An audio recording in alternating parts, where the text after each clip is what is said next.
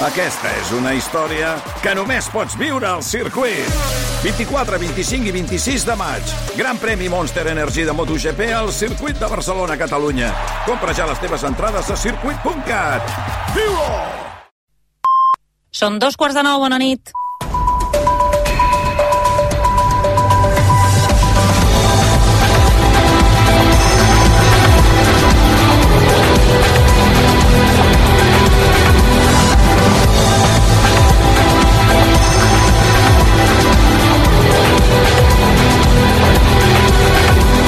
A RAC1 no ho sé, amb Anna Ballonesa.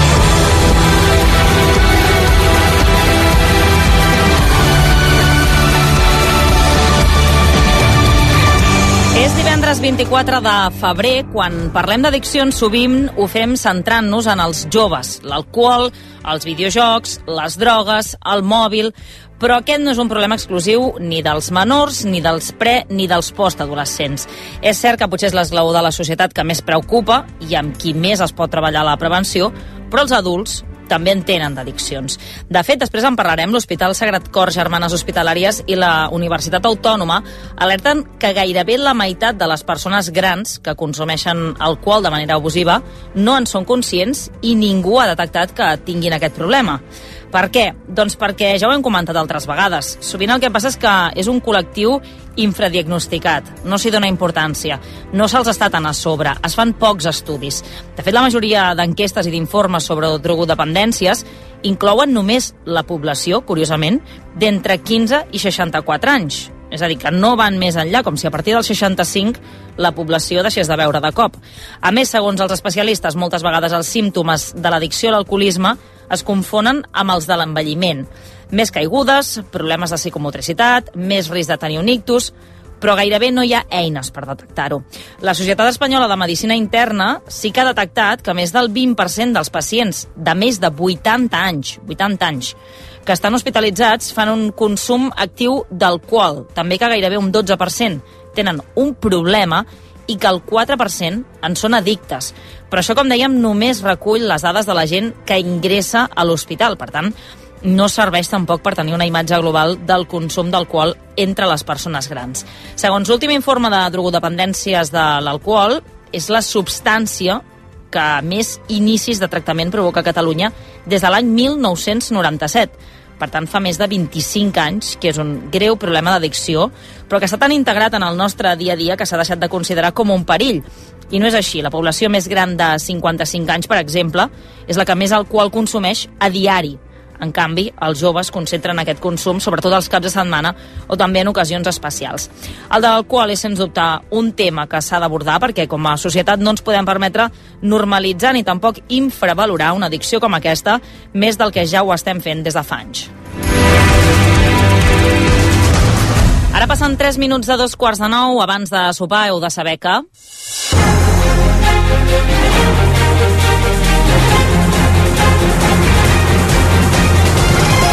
fins a Ucraïna perquè un any després de l'inici de la guerra, el president Volodymyr Zelensky veu inevitable la victòria davant de Rússia.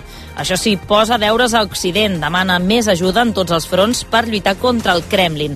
En una roda de premsa amb mitjans internacionals, aquesta tarda, Zelensky ha assegurat que el 2023 serà l'any de la victòria. Росія повинна програти в Україні. Rússia ha de perdre a Ucraïna. El desig de revenja rus ha d'oblidar Kiev i Vilnius, Chisinau i Varsòvia, els nostres germans de Letònia i Estònia, de Geòrgia i de qualsevol altre país que ara estigui amenaçat pels assassins russos.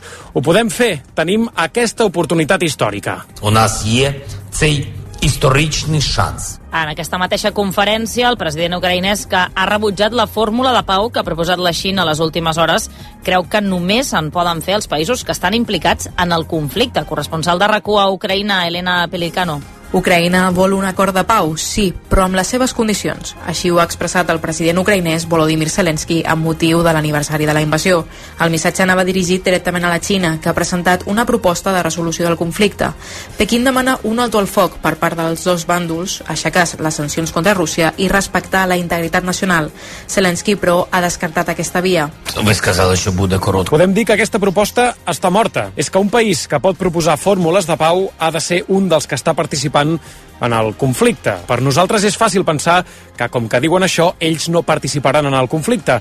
Jo crec que la Xina no donarà armament a Rússia. Això és molt important i que sabrà escollir la part de la veritat І для мене це важливо. Ha recordat a més que la intervenció de la Xina al conflicte mitjançant l'enviament d'armes a Rússia aproparia el món a una guerra mundial. I mentrestant la Unió Europea i l'OTAN, que també han rebut aquesta proposta de la Xina amb molta fredor, de fet no se l'acaben de creure, recorden que Pequín sempre ha estat al costat de Rússia durant el conflicte. Corresponsal de RACO a Brussel·les, Lluís Tobar.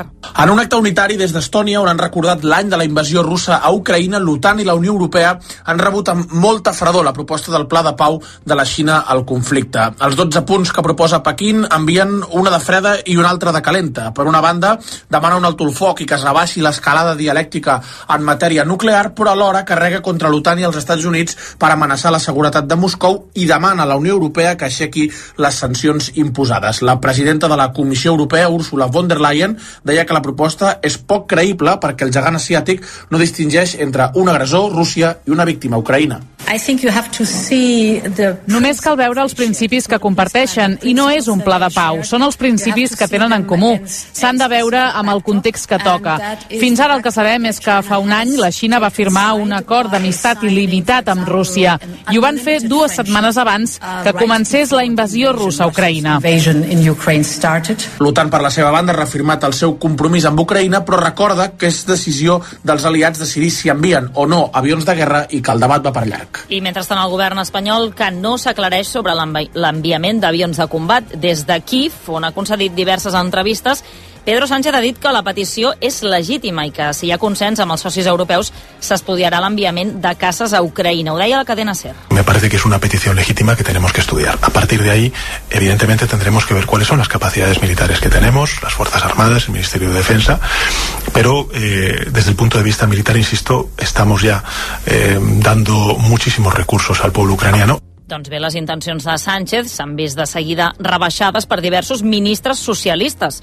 Des de Podem, en canvi, la reacció ha estat d'una negativa rotunda. Des de Madrid, Roger Perciba. L'entrevista de Sánchez s'ha més avui, però es va gravar ahir durant la visita que el president del govern espanyol va fer a Kiev. A una altra entrevista de premsa, que també surt publicada avui, el ministre d'Exteriors, José Manuel Álvarez, diu que cap país aliat es planteja ara per ara enviar avions de combat a Ucraïna. En termes similars, ha parlat a Radio 4 la ministra portaveu Isabel Rodríguez. a priori están descartados. Es muy importante comprender que la actuación de nuestro país se enmarca dentro de las actuaciones en unidad con los resto de países de la Unión Europea y también de los socios de la Alianza Atlántica. Més contundent ha sigut la ministra de Drets Socials i líder de Podem, Ione Belarra, que pregunta fins on arribarà l'ajuda militar a Ucraïna. Primero nos dijeron que no íbamos a mandar nunca material ofensivo.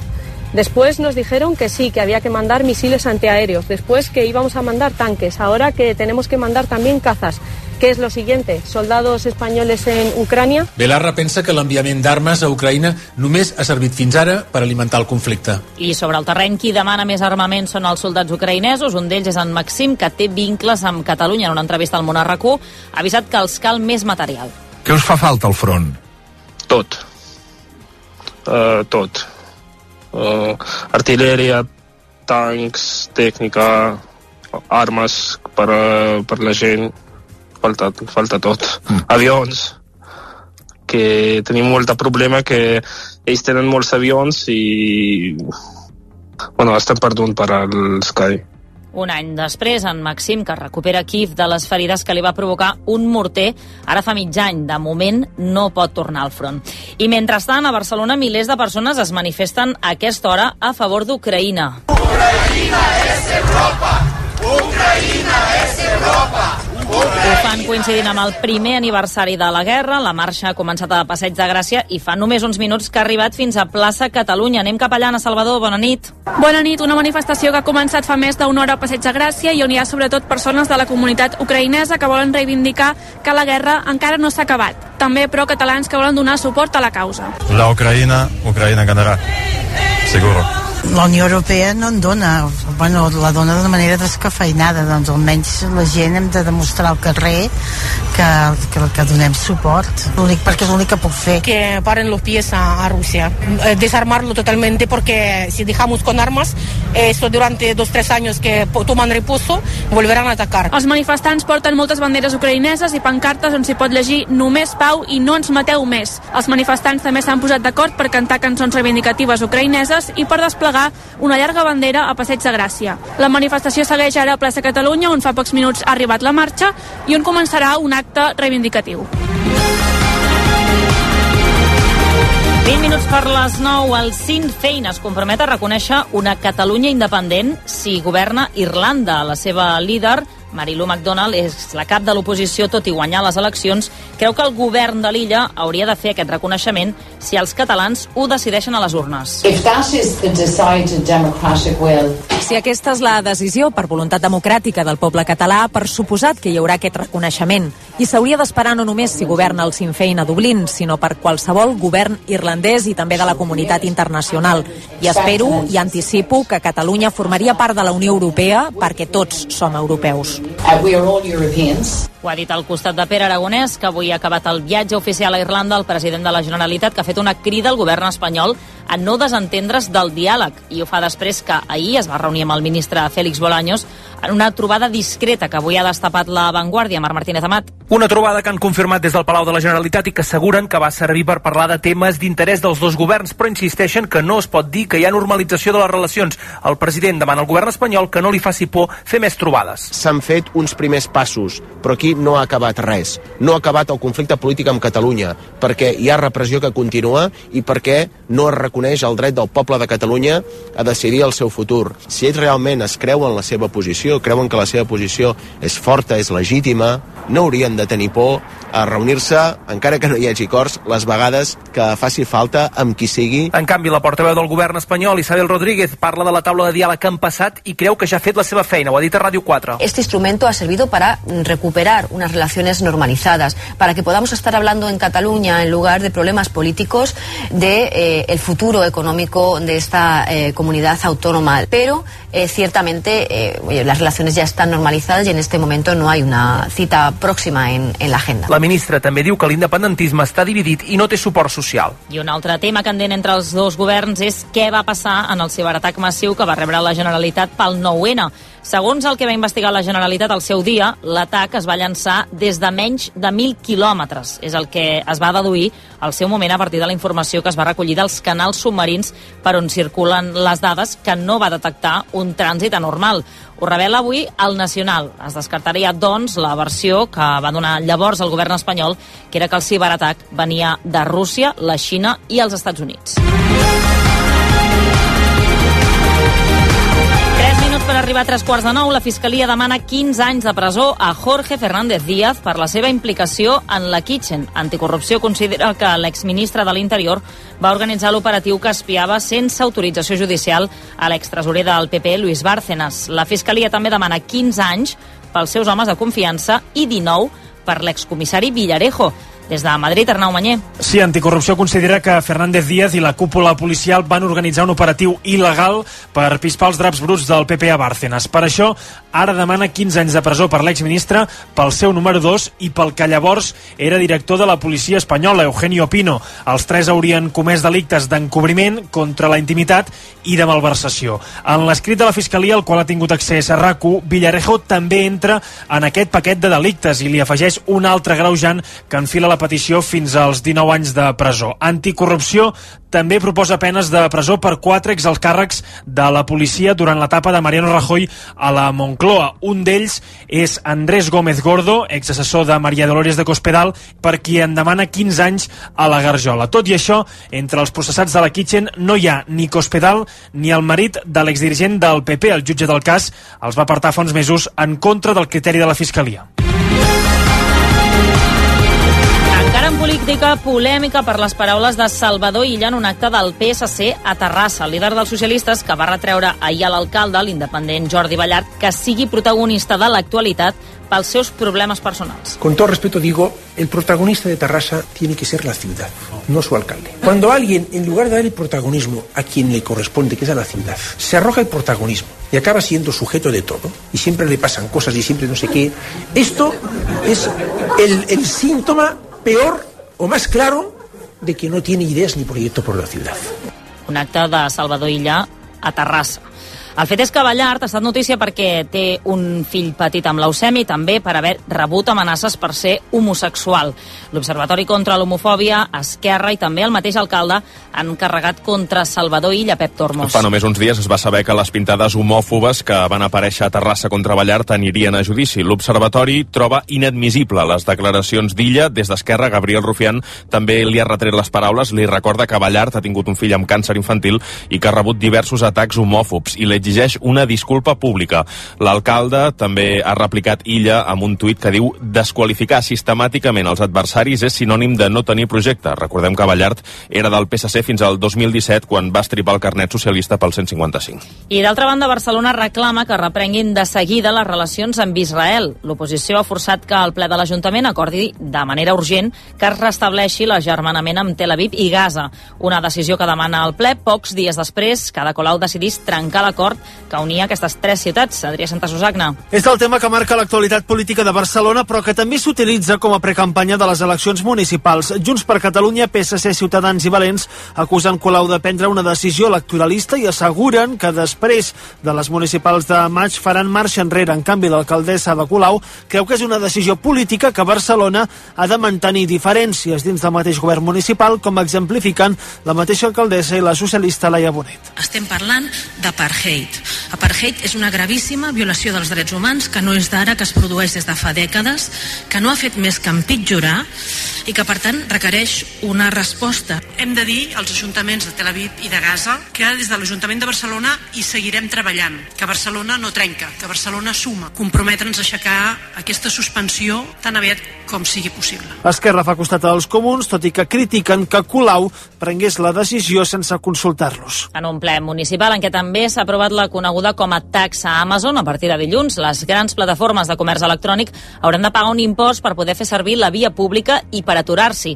Es calcula que amb aquesta nova taxa recaptaran prop de 3 milions d'euros, ho explica la regidora de Comerç, Montserrat Ballarín. Empreses que feien utilització del domini públic i fins ara no pagaven res, no contribuïen de cap manera al pressupost municipal, a partir d'ara doncs, aportaran 2,6 eh, milions d'euros al pressupost municipal. Darrere hi ha una aposta concreta pel comerç físic, pel comerç de proximitat i també hi ha una aposta clarament mediambiental doncs, de eh, fer doncs, que sigui una distribució més, més sostenible possible a dins de la nostra ciutat. Les empreses que facin servir vies sostenibles o que facin les distribucions sense fer servir vehicles no hauran de pagar aquesta taxa.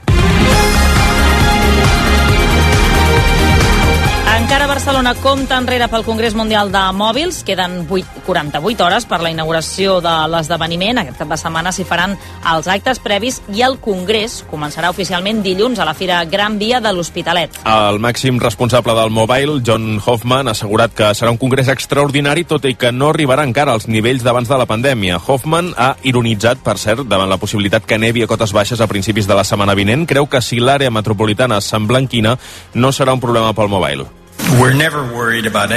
Nosaltres no estem mai preocupats per res i a la vegada estem preocupats per tot. I si neva serà guai. Hi ha gent que no nevar mai. Podríem pensar de cobrar algun extra per això. En tot cas, pel que fa als nostres sentiments, ho veureu amb els somriures a les nostres cares.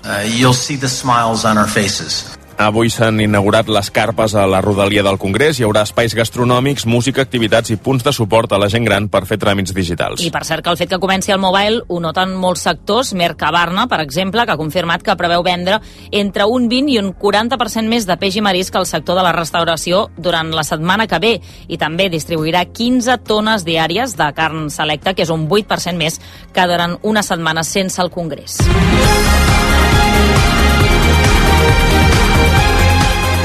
11 minuts per arribar a les 9, els Mossos d'Esquadra apunten l'assetjament escolar i els problemes d'integració com algunes de les possibles causes de la mort de la menor de Sallent.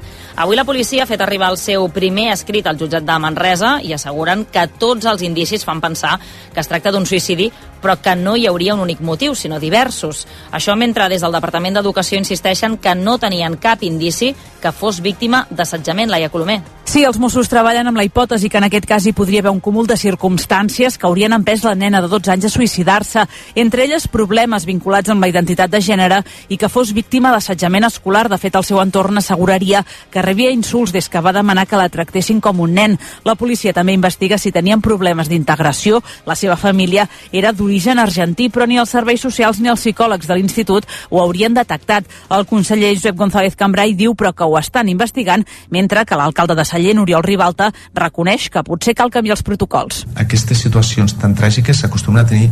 Els factors són diversos i variats, no? són multifactorials, i per tant a partir d'aquí també es tracta per això d'anar veient i què és el que realment ha pogut passar. Segur que aquí haurem de procurar de millorar protocols en algun aspecte, però en qualsevol cas el seguiment que es havia fet era l'habitual. Mentrestant, la germana Bessona, que es va intentar suïcidar amb ella, continua ingressada a l'hospital en estat crític però estable. I qui s'ha referit aquesta tarda sobre aquest cas de Sallent és la ministra d'Igualtat, Irene Montero, que ha apuntat directament a motius transfobes i ha recordat la víctima d'aquesta manera.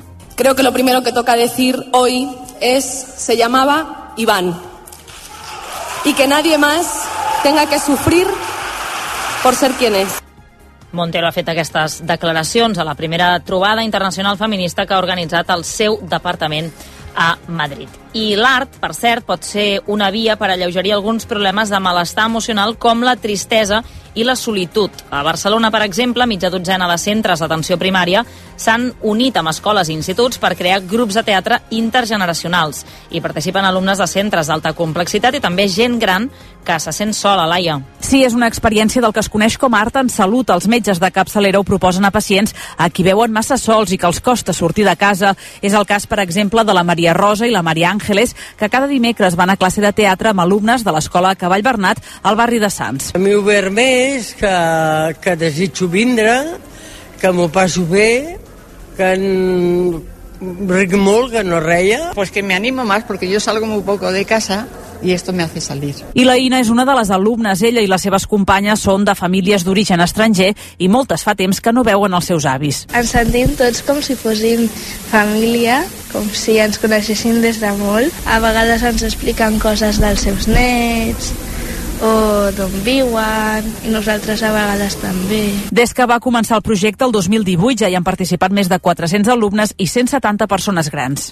I per cert que l'alcoholisme de la gent gran es confon sovint amb els símptomes de l'envelliment i això impedeix tractar l'addicció com seria convenient. Ho alerta un estudi de l'Hospital Sagrat Cor Germanes Hospitalàries i la Universitat Autònoma calculen que gairebé la meitat de les persones grans afectades no estan diagnosticades. L'informe alerta que els metges i l'entorn acostumen a ignorar els símptomes d'alcoholisme i queden amagats amb l'edat i destaquen la importància de tractar l'addicció perquè l'accés d'alcohol està relacionat amb més risc de caiguda o dictus i agreuja el deteriorament cognitiu. L'estudi també destaca que un terç dels avis i àvies que tenen problemes amb l'alcohol van començar a veure mas, van començar a veure massa després dels 40 anys. Avui en temps de tertúlia analitzarem l'impacte que té l'alcohol a la societat i també les seves conseqüències. En parlarem amb el doctor Antoni Gual, investigador del grup de recerca de la Unitat en Conductes Addictives de l'Hospital Clínic.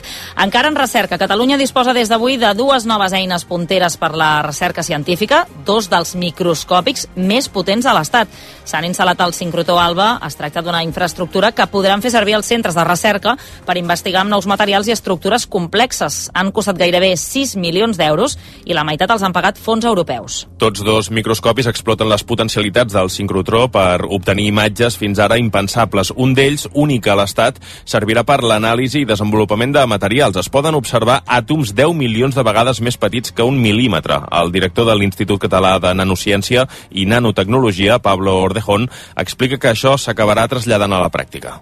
permite ver los materiales, cómo están formados, entender cómo funcionan los materiales, pero también cómo adaptar esos materiales para usos eh, tecnológicos, pues para hacer eh, ordenadores más rápidos y que consuman menos, eh, menos electricidad, o para hacer eh, células fotovoltaicas que sean mucho más eficientes. El segon microscopi ja s'ha començat a utilitzar per analitzar proteïnes i fer estudis vinculats a la medicina, com ara el funcionament de les metàstasis del càncer de pulmó. 6 minuts i les 9, Endesa ha guanyat més de 2.500 milions d'euros al 2022. Això és un 77% més que l'any anterior. EAE Business School us ofereix aquest espai. Un augment de beneficis que respon sobretot a l'increment del preu del gas. De fet, hi atribueixen el 40% dels beneficis. La companyia ha confirmat també avui que recorreran l'impost del govern espanyol sobre les energètiques. Considera que és discriminatori i injustificat. Endesa defensa que són dels cinc contribuents fiscals més importants del país. L'any passat va ser superior als 3.800 milions d'euros. Si vols canviar de vida i estudiar en una business school que lidera els rànquings, o canviar un pla de desenvolupament personalitzat, flexible i amb una xarxa de contactes potent, Work to Change. Entra a eaebarcelona.com i comença el canvi en una escola de negocis creativa, acollidora i innovadora. EAE Business School. We make it happen.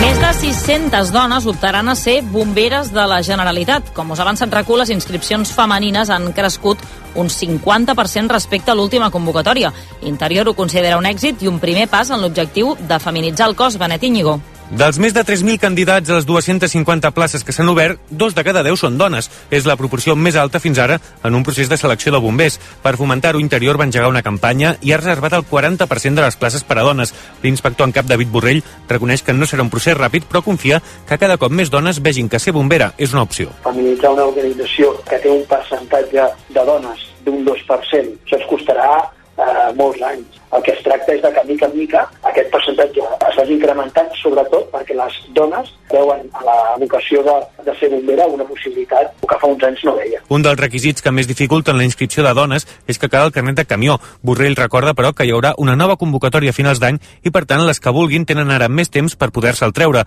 Avui, només un 2% dels bombers són dones.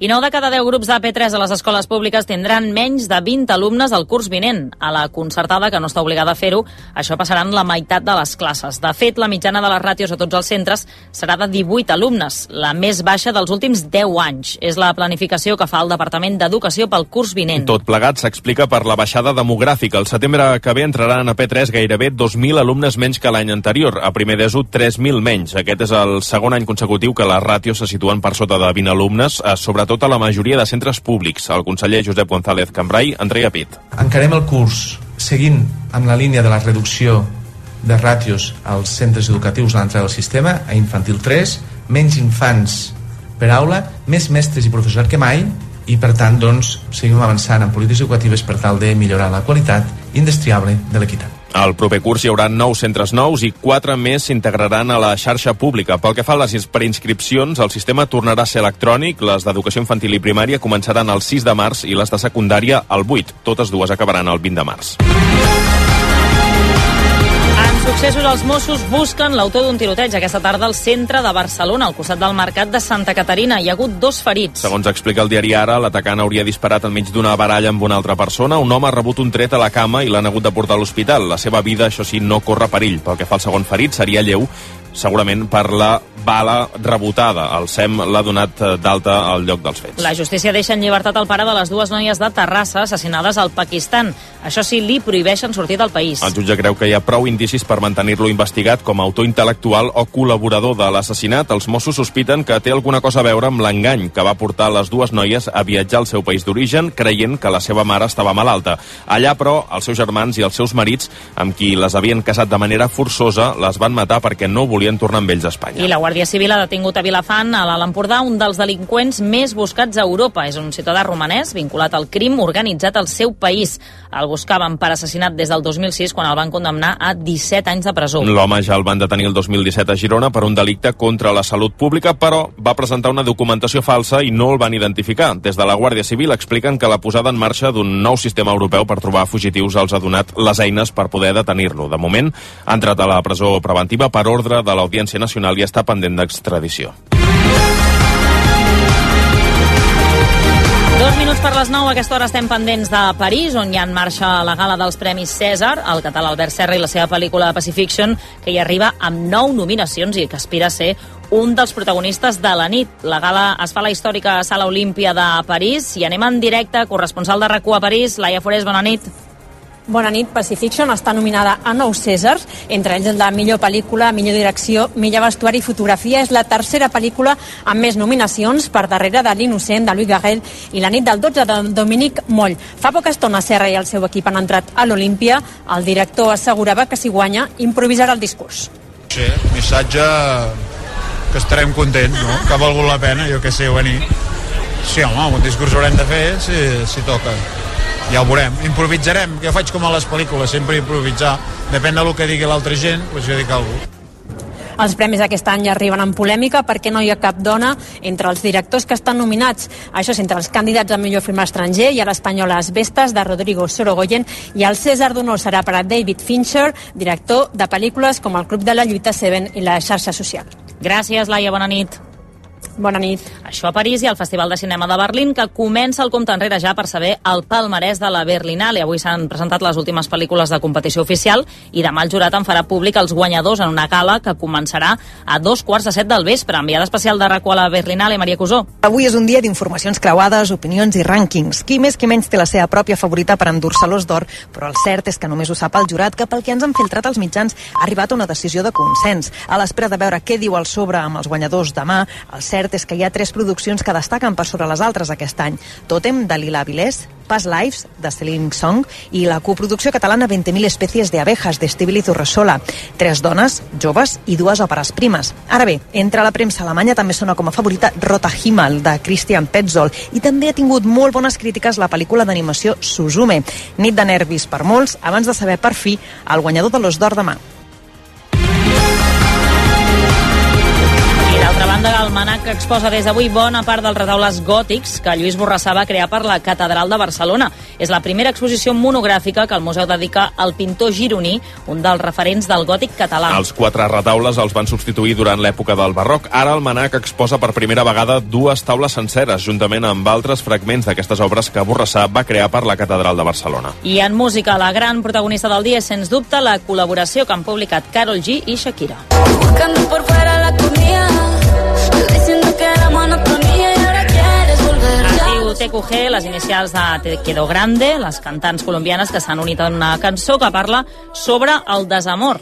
Les dues disparen contra els seus ex, el futbolista Gerard Piqué i el cantant Anuel AA. Tot, fins i tot durant la cançó Shakira, que deixa entreveure diverses vegades que creu que Piqué vol tornar amb ella. I qui també ha tret nou disc és Gorillaz. Y aprovechame hoy, que mañana me voy no sé cuándo vuelvo.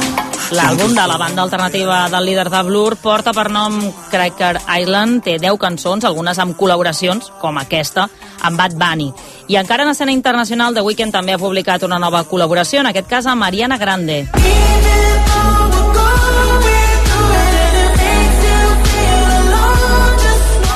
El tema es diu Die For You i és una nova versió d'una cançó que el canadenc va publicar fa gairebé 7 anys. The Weeknd ha decidit fer un nou remix després que el tema s'hagi fet viral a TikTok. I també ha estat dia de novetats a la música catalana, els Amics de les Arts, que han publicat un nou avançament del seu disc. Correm junts per tot Nova York, duem fins titula Corre per, no, per tot Nova York, és una cançó que forma part de l'àlbum que veurà la llum durant la primavera. I així sona el més nou d'en Nil Moliner. Bésame, en mitad de la tormenta, bésame. El cantant de Sant Feliu de, Llobrig, de Llobregat, que ha publicat el seu últim single, Dos Primaveres.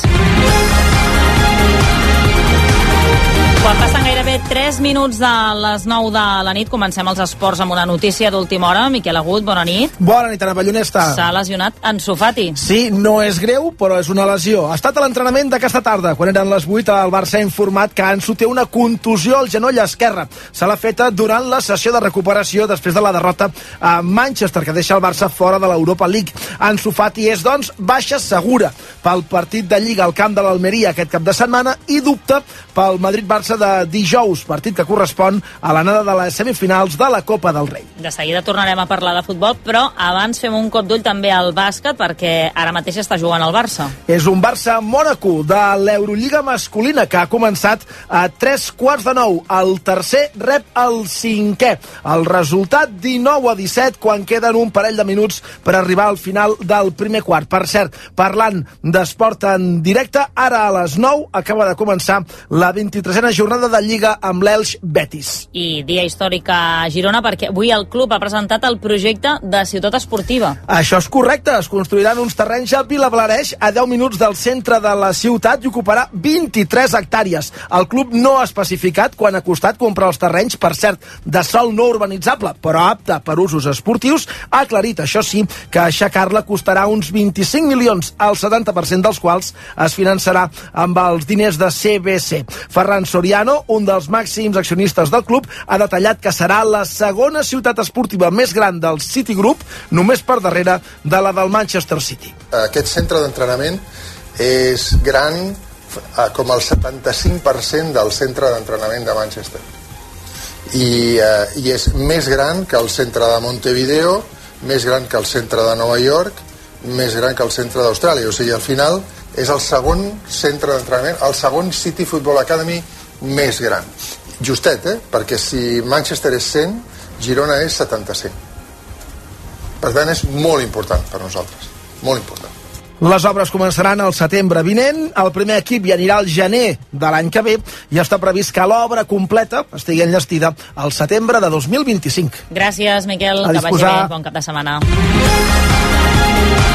I el temps amb el Martí Oliveres. Martí, bona nit. Bona nit, Anna. Com es presenta aquest cap de setmana? Ens tocarà agafar més, més roba d'abric o no? Sí, a tot arreu, eh? Per tant, també, Miquel Agut, deixa'm-li dir que farà fred a- al País Basc, en aquest cas, doncs, a Bilbao, amb la visita que Ja fan al, al ja. Girona. Ja et pots abrigar. Temperatura al voltant dels 6 graus a l'hora del partit diumenge. Gràcies per aquesta previsió Set, eh, personalitzada en directe. cel tapat, per tant, eh, toca abrigar-se, sí, toca abrigar-se tot el cap de setmana.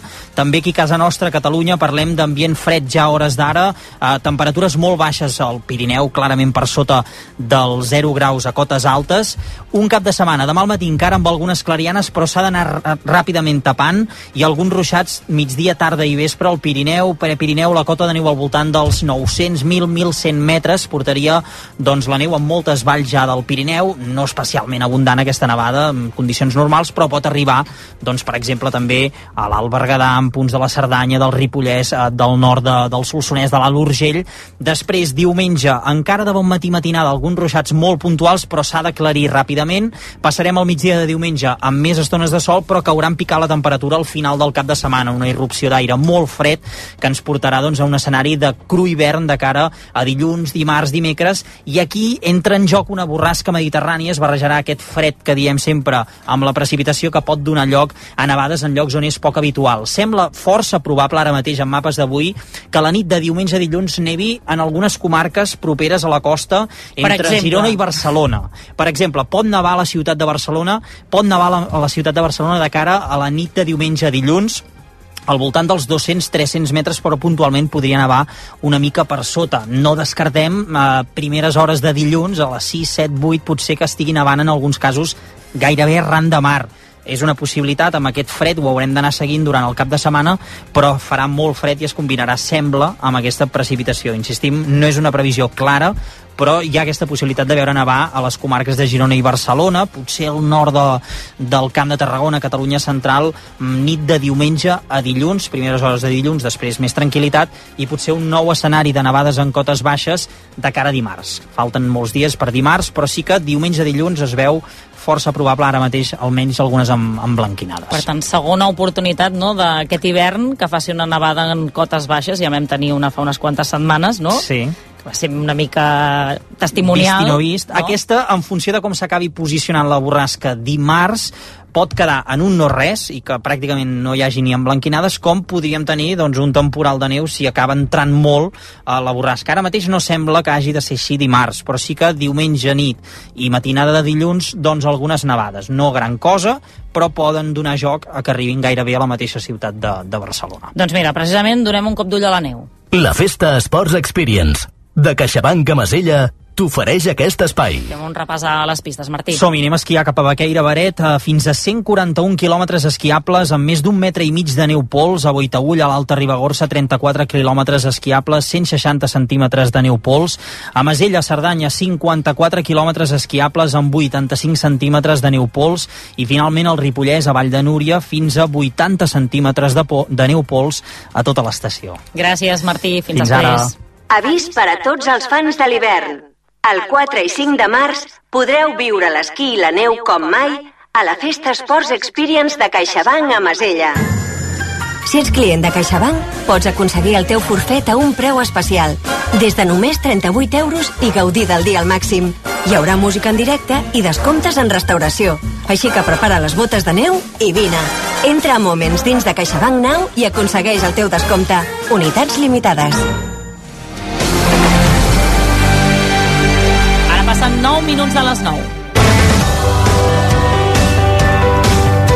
A RAC1, no ho sé, amb Anna Ballonesta.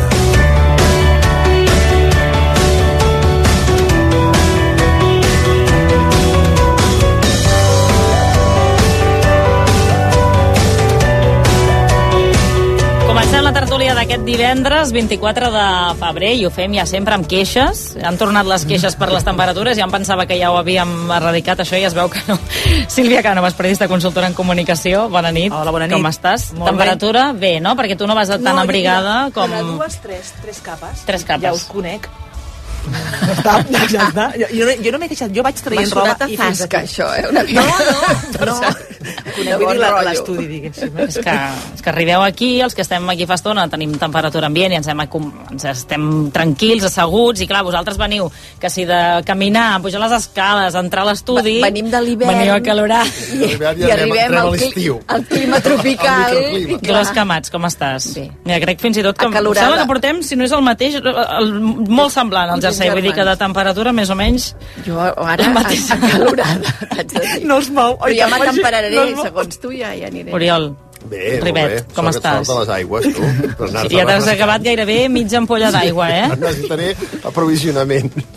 Dani Sánchez Gar, com estàs? Molt bé. Bona nit. Jo no em queixaré la temperatura, vinc amb moto, tinc molt fred, tenia Estàs molt fred bé. fora, per tant aquí estic. Home, ara ens deia el Martí que la nit de diumenge a dilluns sí que si us heu de llevar d'hora heu de sortir d'hora de casa, millor que us abrigueu perquè pot ser que, que caigui neu en cotes baixes. Després veurem com evoluciona el cap de setmana, no? que encara falta molt. Però veurem si al final es veu el Tibidabo o no nevat, no? Però Que- torna a ser un dia, no només? Com l'altra vegada, vull dir que es baixen les temperatures moltíssim un únic No, no em dia. facis moltes preguntes perquè Vale. no... Després, quan- si no, que vingui el Martí i ens ho torni a explicar. Que, no, pel que he vist és torna a ser un dia, com l'altre fa 15 dies és un, i ximpunt. Ja està, eh? també et diré que si neu fa gràcia un dia, com a No, no, mínim sí, a mi, eh? fa una mica de gràcia, però després si continua nevant molt, i més en un lloc on no, no estem acostumats, la cosa...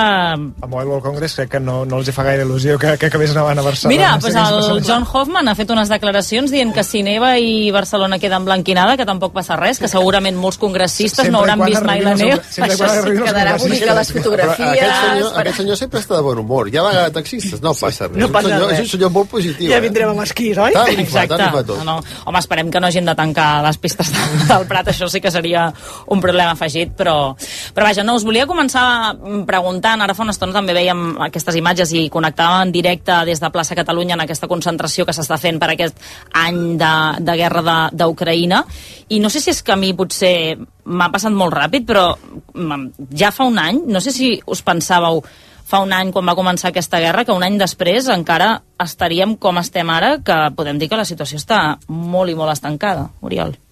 Home, jo crec que sí, no? A més a més va ser una guerra molt, molt prevista, és a dir... Tu sí, eh? Pensaves que, ja, que aniria per llarg des del home, principi. I tant, ja, ja es veia una mica això, perquè a més a més eh, eh, que els ucranians resistirien també estava bastant clar.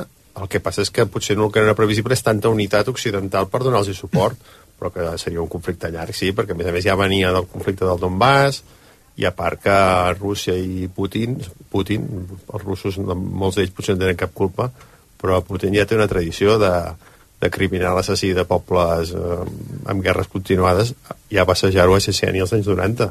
Per tant, que era un conflicte que s'allargaria i que seria dur i cruel, jo crec que sí, que era bastant previsible i també crec que les previsions que ha fet el president d'Ucraïna són molt optimistes que s'acabi aquest any. No té molta pinta, la veritat. Dolors. Jo crec que va ser un conflicte, primer, no previst i tampoc previst tot el que portaria. No, no, no sé si... Però sí que es va dir les setmanes abans que els Estats Units i els serveis d'espionatge van advertir que això passaria. Vull dir que va ser una guerra diguéssim que no, no va esclatar d'un dia per l'altre, sinó que venia d'uns precedents molt clars de la zona del Donbass i els Estats Units va advertir-ho i va dir que passaria i va passar. Però és qüestió de dies, eh? Bueno, recordo va estar un qüestió de- període de setmanes prèvies d'avisar, eh? Sí, sí. Jo crec que eh, hem vist una guerra transmesa, no?, que va ser la, de- la d'Iraq, no?, o la de Kuwait, recordo, quan que tothom sabia que hi hauria un atac. Hem vist altres situacions en les que um, ens han anat preparant per situacions d'aquest tipus. El que va passar, no?, Rússia entrant amb tancs uh, bombardejant ciutats i població civil ucraniana mm, no crec que hi hagués previsió perquè si no alguna, cosa, alguna altra cosa s'ha fet. Una altra cosa és que després li hem donat explicació de dir clar perquè el Donbass, clar perquè l'aproximació de l'OTAN i li hem donat explicació a la invasió però és evident que una invasió així mm, no es podia, crec jo que no estava prevista ni tan sols en els serveis d'espionatge Bueno, sí, Va- però va- si va ser anunciada pels Estats Units, si ho van avisar ells van, eh, setmanes van abans. preveure que hi, hauria, que hi havia tensió i hi ha moltes No, no, no, van preveure una invasió. hi ha moltes No, no. regions al món amb tensió i, i no totes acaben no, amb els tancs entrant. En tot cas, Oriol, que no va ser així. ens ho van dir. Sento per tant, molt perquè no és així. jo ara- Es va dir a l'opinió pública, als serveis d'espionatge, Rússia està acumulant tropes per invadir Ucrània. I això es va dir. I Rússia se'n va riure i tot, i va fer, va, va fer broma del dia que deia als Estats Units que passaria no va passar, i va acabar invadint, però era una, Efectivament. era una que- invasió deixa acabar la telegrafiada. Que No, no, t'ha és donat que, el, clar, el primer torn de paraula, va. que hi hagi que hi hagi amenaces, que hi hagi moviment de tropes, que hi ha, és a dir, aquestes coses malauradament passen i formen part no, de l'escalada de conflictes. No, tot, no cada vegada que hi ha un tipus d'escalada d'aquest tipus acaba efectivament amb un conflicte bèl·lic i acaba durant més, més d'un any, no? perquè malauradament avui celebrem l'any. Per tant, jo sí que crec que hi ha un punt de sorpresa i el que és encara probablement eh, ens té a tots recol·locant-nos és tot el que, que ha fet saltar el taulell de tantíssims elements a nivell internacional, europeu i nacional a cada país, des dels preus de l'energia, des de la provisió, no?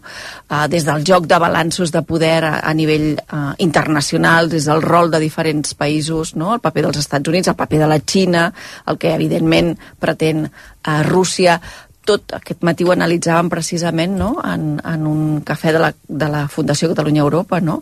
com s'ha trencat la neutralitat de tants països europeus que semblava impossible que, no? que, que, que han estat neutrals fins i tot durant la Segona Guerra Mundial i ara estan demanant la protecció de l'OTAN. És a dir, ha trencat tantíssimes coses que crec que això també ho té de, de sorprenent i com ha acabat accelerant tantíssims processos que estaven oberts a, a nivell internacional i a Europa. No? Per tant, en això sí que crec que ens ha, si no sorprès, Oriola, tu no, t'has col·locat una mica el conflicte tothom. esclataria estava bastant anunciat. Escolta. Ara, que després ha tingut unes conseqüències geopolítiques tremendes, això, Sí, sí, també, això que- també és així. Sí, sí. Dani. Sí, estic més a prop de la Dolors amb això. És veritat que Biden avisa a finals de gener de, que vendria un conflicte, a finals de gener és un mes d'avís, um, però no és una cosa que estigués en l'agenda um, geopolítica mundial com a descomptada que Rússia tenia això entre els seus plans mesos abans. Uh, no estava en l'agenda com a mínim i va sorprendre i la prova la tenim també el xoc que va causar, per exemple, això, doncs les previsions econòmiques, els, les mesures econòmiques no ens estaven preparant per una guerra a Ucraïna uh, com, a, mm, com a bloc occidental ni com a Home, Europa si tu vols dir que, no ens que, estava- que no no, ens era estàvem una cosa anticipada sis mesos o un any, no. no ens estàvem preparant, no ens estàvem preparant per això, això, això és un manera, fet. i això és perdona Dani, eh, però dit d'una altra manera, um, les relacions que té Europa de dependència de l'energia russa, si hi hagués hagut qualsevol mena de previsió de que Rússia podia entrar en el, en el declivi que entra, o en el moment que ha entrat ara, s'haguessin Ah, començat... un altre- no, això- no, això és un altre però té molt a veure No amb el que està No, que si, passant. si hagués estat tan a l'agenda ens hauríem preparat per Clar, això dir, des d'abans no això no va passar ahir- perquè va tenir el punt de sorpresa amb, amb, amb comprant de la idea que, que és veritat, un mes abans va, Sí, els sí. Estats Units avisava, un mes ja hi havia abans un conflicte obert. uh, un mes abans la intel·ligència pues, va funcionar a fer això um, dit, a, dit a, això uh, si m'ubico amb ara fa un any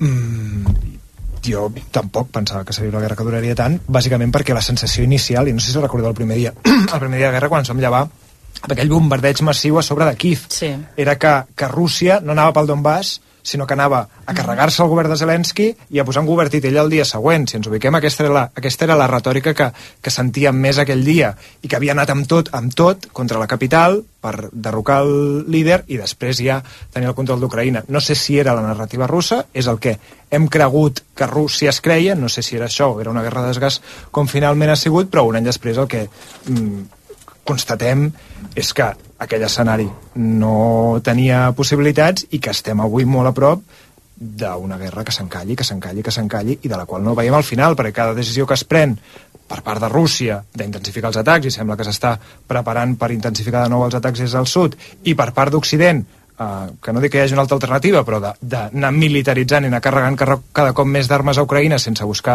cap altre tipus de solució diplomàtica que potser no existeix, és molt naïf pensar que existeix, ens col·loca en un escenari de mm, peix que es va mossegant la cua i que la bola es va fer cada cop més grossa. Per tant, mm, el primer dia pensava que seria curta i avui no li veig al final. Sílvia. Jo començo al final perquè comparteixo una mica uh, els, tres arguments, els tres discursos que heu fet els tres. Um, jo no crec que fos una guerra molt, molt, molt anunciada. Sí que és veritat que, que, que ens faríem trampes al solitari si diguéssim que Ucraïna no és un país que viu, ha viscut sempre amb una certa calma tensa. No és la primera guerra eh, que pateix, ni el primer ensurt que li fan els russos. Per tant, esperable, eh, segurament no, sorpresiva tampoc, anunciada una mica abans, eh, que duraria tant eh, a mi el que, més que el temps que ha durat, o que està durant, a mi el que m'ha sorprès més és la capacitat de resistència de, de l'exèrcit ucraïnès. Això sí que m'ha sorprès més, perquè eh, eh, avui mirava el mapa de totes les zones eh, envaïdes, mm -hmm. que a més a més, eh, que ja no estan envaïdes perquè van centenars de metres amunt, centenars de metres avall. A mi aquesta capacitat eh, de resistència sí que m'ha sorprès, i sí que potser, eh, jo no sé si ho ha dit el Dani o no sé qui que no veu el, el final de la guerra, jo vull pensar que aquest aquests propers quatre mesos seran um, seran certament definitius. Per què poso quatre mesos? Sí, ara t'anava a preguntar per quatre mesos. sí, perquè m'ha cridat molt l'atenció que totes les... Um, primer, uh, l'embranzida que ha agafat uh, el president dels Estats Units amb les darreres setmanes, amb discursos, amb presència al país, um, amb un cop una mica de, uh, de puny damunt de la taula, pressionant els països europeus, que a més a més, que, que una, una mica els que són una mica indecisos o els que no s'acaben no de posicionar, um, amb tot l'enviament de, de, de material bàsicament eh, tancs o inclús aeri, eh, posaven de mitjana que el temps que necessiten per, fer, eh, per aprendre a fer servir totes aquestes coses que suposadament arriben sense personal, en sí. temps només arriben material, era de mitjana 4 mesos. Això lliga amb que deia, amb, ara tampoc me recordo qui era, que deia que entre primavera i estiu veia la fi del conflicte. Per tant, eh, si realment van amb una ofensiva amb els propers quatre mesos, amb aquesta unitat d'acció eh, més clara que mai de lo que és Europa i Estats Units, jo tinc l'esperança de que el conflicte s'acabi amb els propers sí, mesos. Sí, el que veus concretament d'aquí quatre mesos és una derrota de Rússia. Sí. I, i Rússia marxant sí. amb la cuenta cames. Sí. I que sí. tant de bo, però és que, és que em sembla un escenari difícil d'imaginar, perquè Putin s'ho ha jugat tota aquesta guerra, eh, llavors també suposo que veus un final de Putin, no? Exacte. És que anava a dir, jo crec que Putin, eh, perquè jo estic amb l'Oriol, i no parlem de russos, eh, vull dir, parlem en principi de Putin, que dirigeix unes quantes persones que sí, són russos. Um, um, està perdent, com es diu en català, està perdent enteros, eh? Mm. Està perdent suports interns i suports externs, eh? També bueno, és veritat és, que és la, la informació eh? que arriba de Rússia costa tant de desxifrar què és cert, què no és cert i fins i tot eh, saber què és el que està passant i què és el que viu a eh, la població d'allà, que, que a vegades és complicat també tenir una opinió una mica de si hi ha un suport majoritari o no a Putin en, en aquesta guerra avui, per part dels avui mateixos que era el russos. dia de les famoses xifres, uh. -huh. uh, jo m'he quedat amb unes quantes, però una que m'ha sorprès també bastant és fins a un milió de persones uh, residents a Rússia bàsica i, i a Moscou i entorn de Moscou van marxar del país. Un milió de russos Bueno, no ho sé. Eh, bueno, vull, si, si m'he de posicionar, em posiciono de que tinc l'esperança. Sou tan optimistes com la Sílvia? No, no. Jo, jo crec que Putin no. és, un, és un assassí criminal tirà de la pitjor espècie des de fa almenys dues dècades. El que passa és que Occident s'ha dedicat a mirar per, un des, per una, cap a una altra banda, especialment els alemanys, amb una miopia impressionant. Però aquest senyor, que era rebut per Jacques Chirac, per, per, el, uh, pel el Regne Unit, pel, pels monarques, que participava en cimeres amb Merkel, Zapatero, tota mena de dirigents, aquest senyor que assassina els txetxens dels anys 90 d'una manera indiscriminada, aquest senyor fa esclatar edificis del seu propi país per, per justificar una guerra contra Txetxènia, si es vol conèixer el personatge, ara hi ha un documental sobre Litvinenko, sobre l'assassinat de Litvinenko a Londres a Filmin, extraordinari, és a dir, és que el que era aquest senyor i la capacitat que té de supervivència i la manera com ha esclafat a l'opinió pública independent qualsevol possibilitat de democràcia a Rússia és de tal magnitud que la derrocar aquest senyor en aquell moment Però a si dintre ara- de Rússia és pràcticament impossible. No, però jo em refereixo, eh, si ara arriba tot aquest, uh, tota aquesta mena de força uh, amb equipament um, que s'han plantejat tots els països de portar per Això terra, mar i aire, provocar bueno, un, mar això poc, pot provocar una paràlisi de la guerra o un endarreriment de la, de, les- de, de, al front de guerra però una caiguda de Putin em però és que està paralitzada ara amb, els, amb les existències, amb el que té Ucraïna. Una, una reacció irada de Putin que tampoc ha posat tot, tota la carn sobre la graella. És a dir, L'altre dia feia aquesta amenaça d'incrementar també l'armament nuclear. Veus? Jo no? aquesta no me la crec. Clar, Putin té, té, altre, té altres armes. I veure, aquí el que, em, el que em preocupa és que la única dinàmica, l'únic discurs, i, i insisteixo en el que deia abans de l'alternativa sembla o ser filoputinista o ser naïf, però que l'únic discurs sigui el, de, el, de, el, el belicista, el de retroalimentar cada cop més, cada cop més armes, el discurs d'armar cada cop més i que no hi hagi cap mm, uh, veu més enllà de les ONGs que l'altre dia signaven un manifesto uh, que, que, que, que facin una crida a la comunitat internacional per intentar trencar aquesta dinàmica sense comprar argument i sense discutir res del que has dit de Putin, perquè no ho discuteixo ni, de, ni del que significa aquesta operació, però insisteixo, des del primer dia fins avui, que fa un any, només hem entrat en una retòrica en què cada fet que passa, cada nou atac, cada nova decisió d'Occident i cada nova decisió de Rússia ens allunya del, del final de la guerra. Perquè ningú eh, mm, es dirigeix cap a una victòria clara, són dos blocs molt forts que encara tenen molta, molta munició al darrere i no, i no, veig, no veig ningú disposat a trencar aquesta dinàmica i, i anar a, un alto al foc i a, i a, i a, i a una tu veus solució. a l'auto al foc. No, no, no el veig, no el veig, no, no, no, el veig per enlloc. vull dir que O sigui, no veus més voldria. probable de les dues solucions, eh? no, veus, Jo- no, no veus més probable que amb aquesta ofensiva que s'estan... Bueno, ofensiva. Jo- jo veig aquesta molt- unitat d'acció veig- que volen fer amb els propers jo, mesos... jo a, a, aquest Putin que ha descrit l'Oriol el veig, no el veig tornant amb la cua entre cames a Però és que la Rússia història Bueno, una- és que no una- tornarà voluntàriament. Per una, per una derrota uh, per una derrota a Ucraïna veig redoblant esforços amb les armes que tingui que l'amenaça final és a nuclear no dic que passi, tant de bo no però veig redoblant, es, redoblant esforços bèl·lics i no acceptant I una més- derrota com, Dolors, per com a tancar solució. ja. Sí, com diu el Dani, jo crec que la, la història recent de les intervencions internacionals o europees eh, ens demostra que aquests autòcrates, fins i tot quan cauen, els conflictes no s'acaben. I suposo que ninguna de nosaltres s'imagina no? Un conflicte, o, o desitja un conflicte permanent eh, entre Rússia amb o sense Putin i, i Ucraïna. Per tant, eh, el, el, jo crec que una mica el fil és el que explicava el Dani, no? és a dir, eh, els europeus o la Unió Europea eh, durant anys ha, ha, ha delegat la seva, no? la seva seguretat en termes de eh, seguretat militar molt carregada a l'OTAN. Els Estats Units ja fa temps que deien escolteu, això no pot ser així, europeus, arreu-vos, i ara sense pensar-ho, sense preguntar-nos-ho, sense reflexionar-hi, sense saber què vol dir això, ho estem fent, estem acabant amb la neutralitat de països que sempre havien sigut neutrals, estem enviant tancs o no, no estem recuperant... acabant amb res, són ells els que volen deixar ells de ser-ho, eh? estan deixant de clar, ser-ho, estem que acabant com a... Finlàndia ha corregut a però tutelats, l'adhesió a la- a però eh? tutelats i tutoritzats per Estats Ah. Units, com sempre. En tot eh? cas, aquests països que han sigut neutrals durant dècades, ara, com Però diu no és el l'Oriol, mateix demani que no obligar-los. És que No, no, no, no, no. feu a vegades sobre unes, unes coses ells- dialèctiques estranyes. Oriol, no, han de, ells- no, no se'ls ha obligat a res, ho han Ningú demanat s'obliga, ells. però aquests països ara estan demanant Ah. deixar la seva neutralitat de pressa i corrents. Als països europeus ens estem plantejant augmentar la despesa militar per ajudar a Ucraïna i per reforçar... És a dir, aquí hi ha molt més que no només el suport no, a una situació de conflicte i a un país que, evidentment, no, i que, que costa molt combinar el que el Dani deia era, no, el legítim dret a la defensa contra una agressió que, a més a més, eh, està afectant especialment no, a població civil i que, i que ens frapa diàriament, amb, el, amb, la, amb la resolució pacífica de conflictes, amb el no voler una guerra a Europa, amb l'intentar parlar de seguretat en uns termes que no siguin exclusivament els militars. I la combinació de les dues coses, que sempre és un equilibri complex que vol temps i que Europa se n'ha fet gala, ara no existeix, no, no hi ha debat.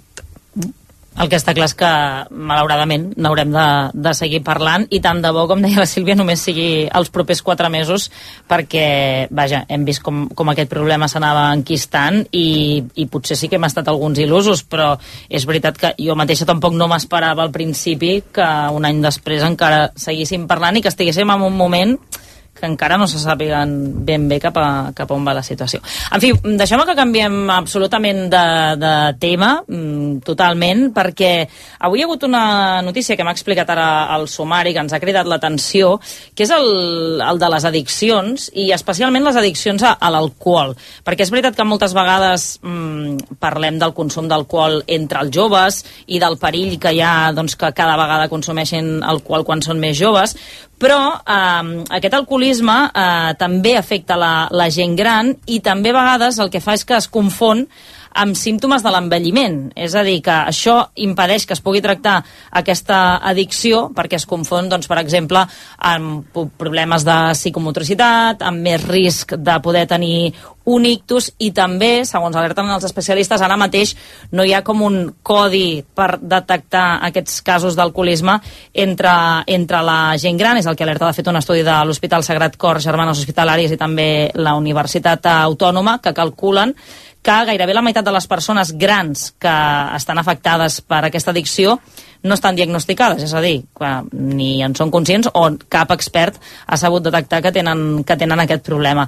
Per això aquesta hora volem parlar amb el doctor Antoni Gual, que és psiquiatre i també és investigador del grup de recerca de la Universitat de, de la Unitat de Conductes Addictives de l'Hospital Clínic i autor del llibre eh, El bebedor passivo. Senyor Gual, bona nit. Bona nit. Li començo precisament preguntant per, per aquestes dades, després parlarem més àmpliament del problema de, de les addiccions, a, en aquest cas a l'alcohol. Um, hi ha més gent gran que té addicció a l'alcohol de la que ens pensem?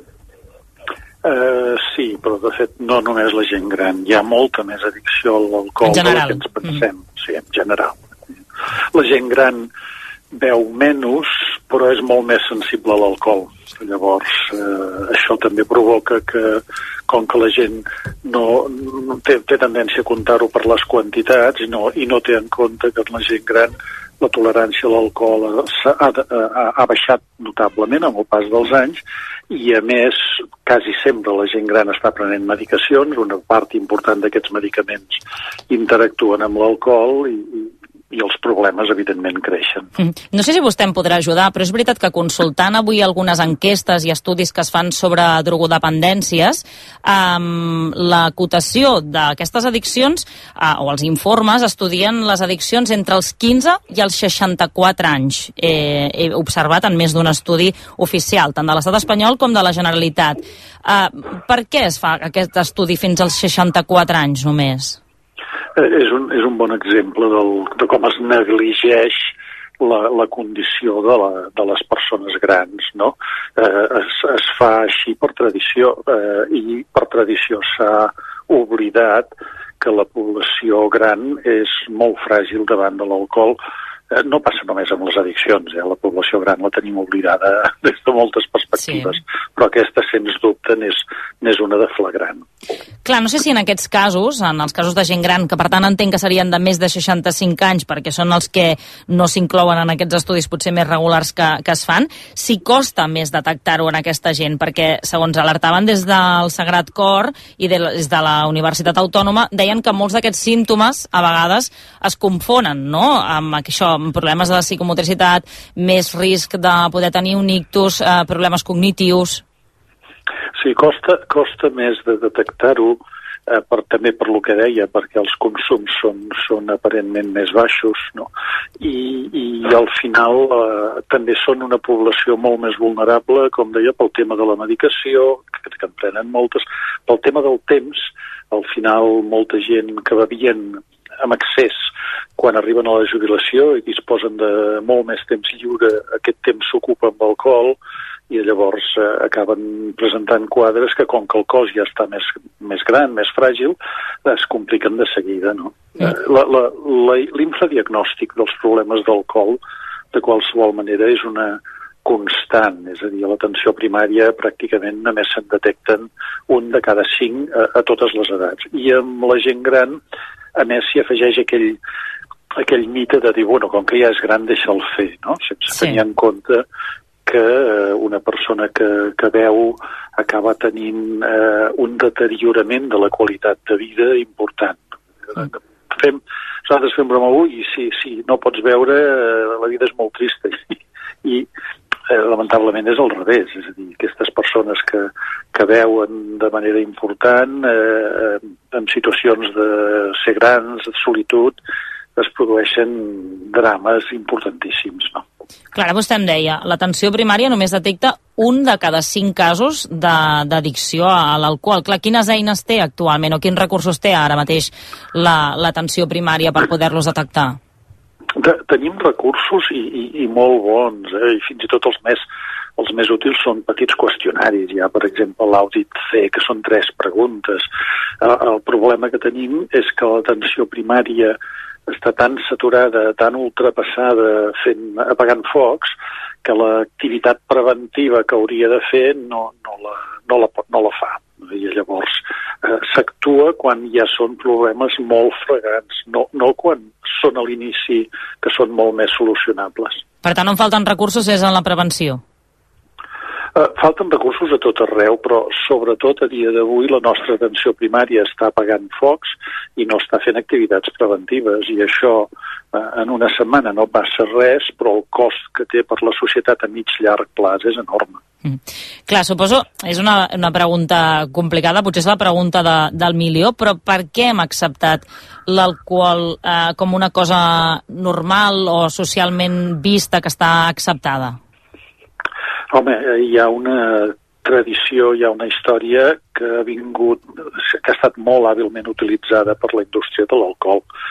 Els europeus som els que més dos del món bevem el doble que la resta de la població mundial i aquí eh, el no ser bevedor eh, exigeix explicacions. Si ho comparem amb el tabac, per exemple, eh, qualsevol persona que digui que no fuma no ha de donar explicacions de res. Algú que diu que no veu li pregunten per què, no? com si fos una opció eh, no saludable. No? I, i, I tot aquest entremat de la tradició, més els tremendos interessos comercials que hi ha, banalitzen el problema de l'alcohol d'una forma tremenda.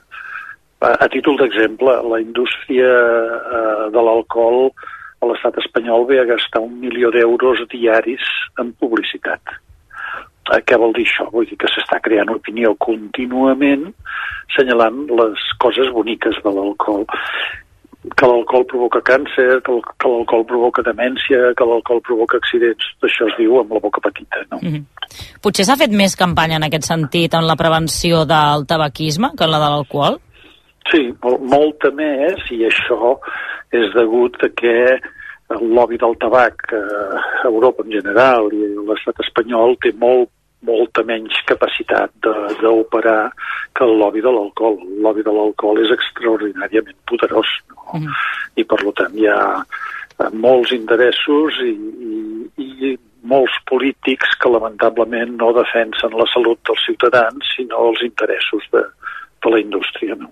Què es considera un consum de risc? És a dir, per algú que ens estigui escoltant, quan s'ha de començar a preocupar? Perquè això a vegades també és un tema de, de discussió, no? Quan potser observes alguna persona, algun conegut, algun familiar o amic i dius, ostres, vols dir que no veus massa? Mm, I sempre, moltes vegades la resposta és un no perquè hi ha acceptada doncs, aquesta normalitat d'una quantitat diària o d'una quantitat en, en cap de setmana o de dies excepcionals. Quan s'ha de començar a preguntar, o si tenim una persona a prop, quan ens hem de començar a preocupar que aquesta persona pot tenir un problema? Eh, una cosa és tenir un problema i, és, i una altra és tenir un consum de risc. El consum de risc vol dir que jo veig que, que me l'estic jugant, però pot ser que la loteria no em toqui, per dir-ho d'alguna forma. Eh?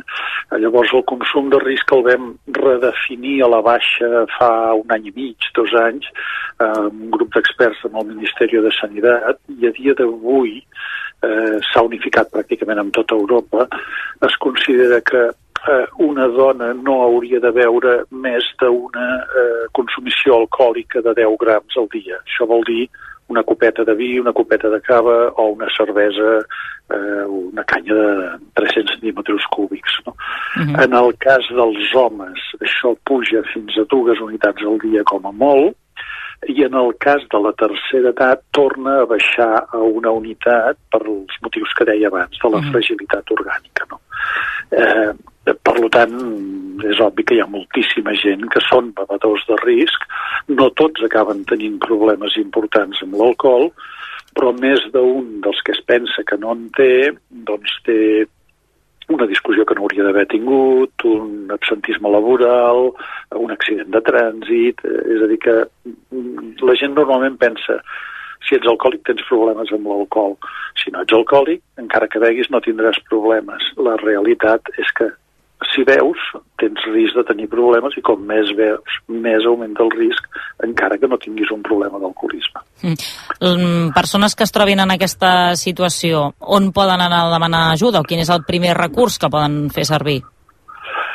El primer és el metge de capçalera, eh, encara que dia d'avui són de difícil accés, però els metges de capçalera estan capacitats per eh, atendre aquestes demandes i per canalitzar-les, que normalment caldrà canalitzar-les, a el que se'n diuen els CAS, els centres d'atenció i seguiment. Catalunya té una xarxa, jo diria que formidable, de, de centres d'atenció en aquest sentit, i que està distribuïda per tota la geografia, és a dir, qualsevol metge de capçalera sap quin és el seu centre de referència per derivar una persona que tingui un problema addictiu i, per tant, el aconsellable és anar directament al teu metge de capçalera i si s'entra a la web del CatSalut també es pot trobar directament als centres de tractament, que són públics i gratuïts.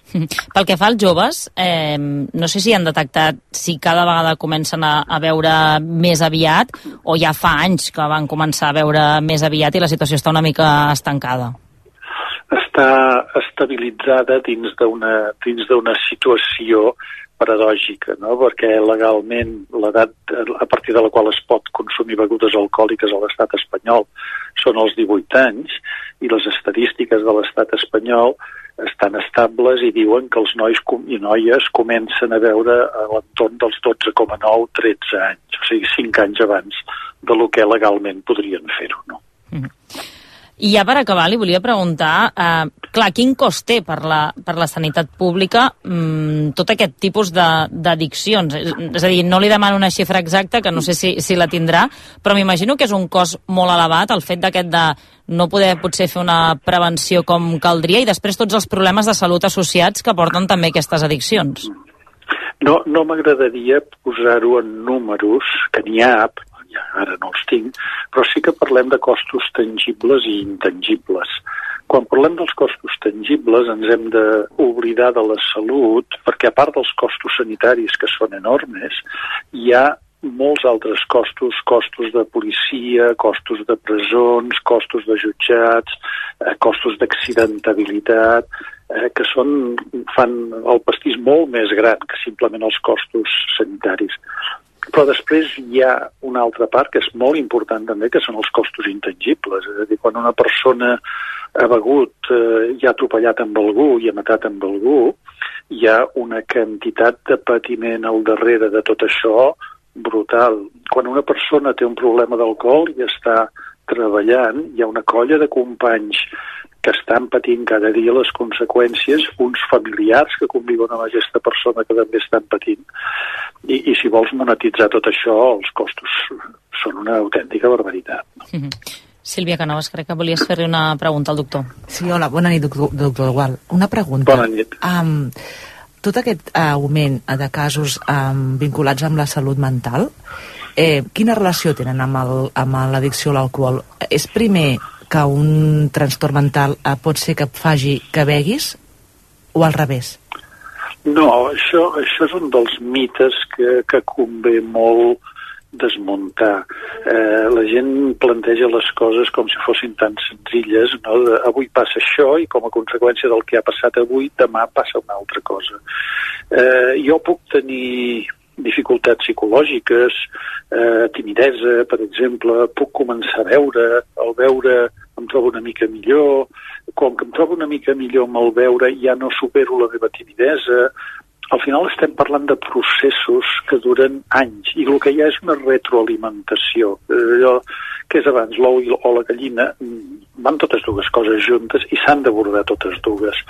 El mite de que la gent veu perquè té problemes és un, és un mite fals. El 50% dels problemes d'alcohol venen determinats genèticament. És a dir, si quan jo provo l'alcohol m'agrada i això ve determinat genèticament, el risc de que acabi bevent massa és molt més gran que si quan el provo em deixen diferent o no m'agrada. Per tant, hi ha un origen més aviat genètic que no conductual o que social o de, donat per les circumstàncies. Eh, El, el 50% de la- de 50%, l'addicció té una base genètica. Òbviament, tenim molt més alcoholisme en els països que l'alcohol és barat que no pas en els països islàmics que està prohibit. Eh, és a dir, els, els components socials eh, també hi són.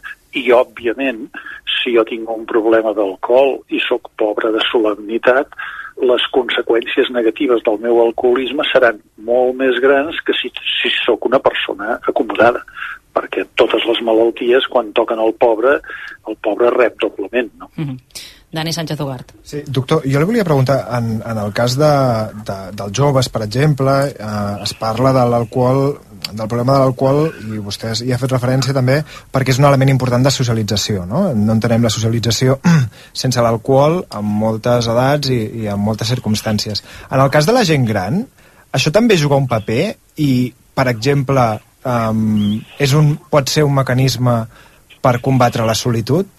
buscar socialització a través de l'alcohol en el bar, per exemple, o és un paper testimonial? Jo, jo diria que és al revés. Eh? Eh, va, va, així, a, a bote pronto, sense pensar-ho gaire, eh, diria que amb la gent gran el que jo veig més sovint és que són aquestes situacions de, de solitud que faciliten que hi hagi menys freno al consum. Ho hem vist amb la pandèmia, no només amb la gent gran, sinó també amb la gent jove. Et quedes tancat a casa i si abans començaves a veure a les 5 de la tarda, ara comences a veure a les 10 del matí. Et jubiles, et quedes a casa i passa exactament el mateix. No? Jo veig molt amb la gent gran aquest, aquest consum lligat al, a l'avorriment, al no sé què fer. No? En fi, eh, doctor Antoni Igual és psiquiatre, investigador del grup de recerca de la Unitat en Conductes Addictives a l'Hospital Clínic i també autor, entre d'altres, d'aquest llibre de El bebedor passivo. Gràcies per atendre'ns avui a, al 9C. A vosaltres, Que vagi bona bé, nit. bona nit. En fi, diverses qüestions que, que crec que són eh, importants de, de comentar, sobretot m'ha sobtat doncs, aquest infradiagnòstic que encara hi ha Mhm. actualment, no? que només es detecten un de cada cinc casos en l'atenció primària de, dels casos de- d'addicció a l'alcohol. No sé, comencem per, per aquí, vosaltres, Oriol i Dolors, mm, Bueno, que és el que més t'ha sobtat de, de, de les dades que ha donat, no? tal com està l'atenció primària, que no, que no sigui capaç de detectar coses tampoc és molt estrany que diguem, no?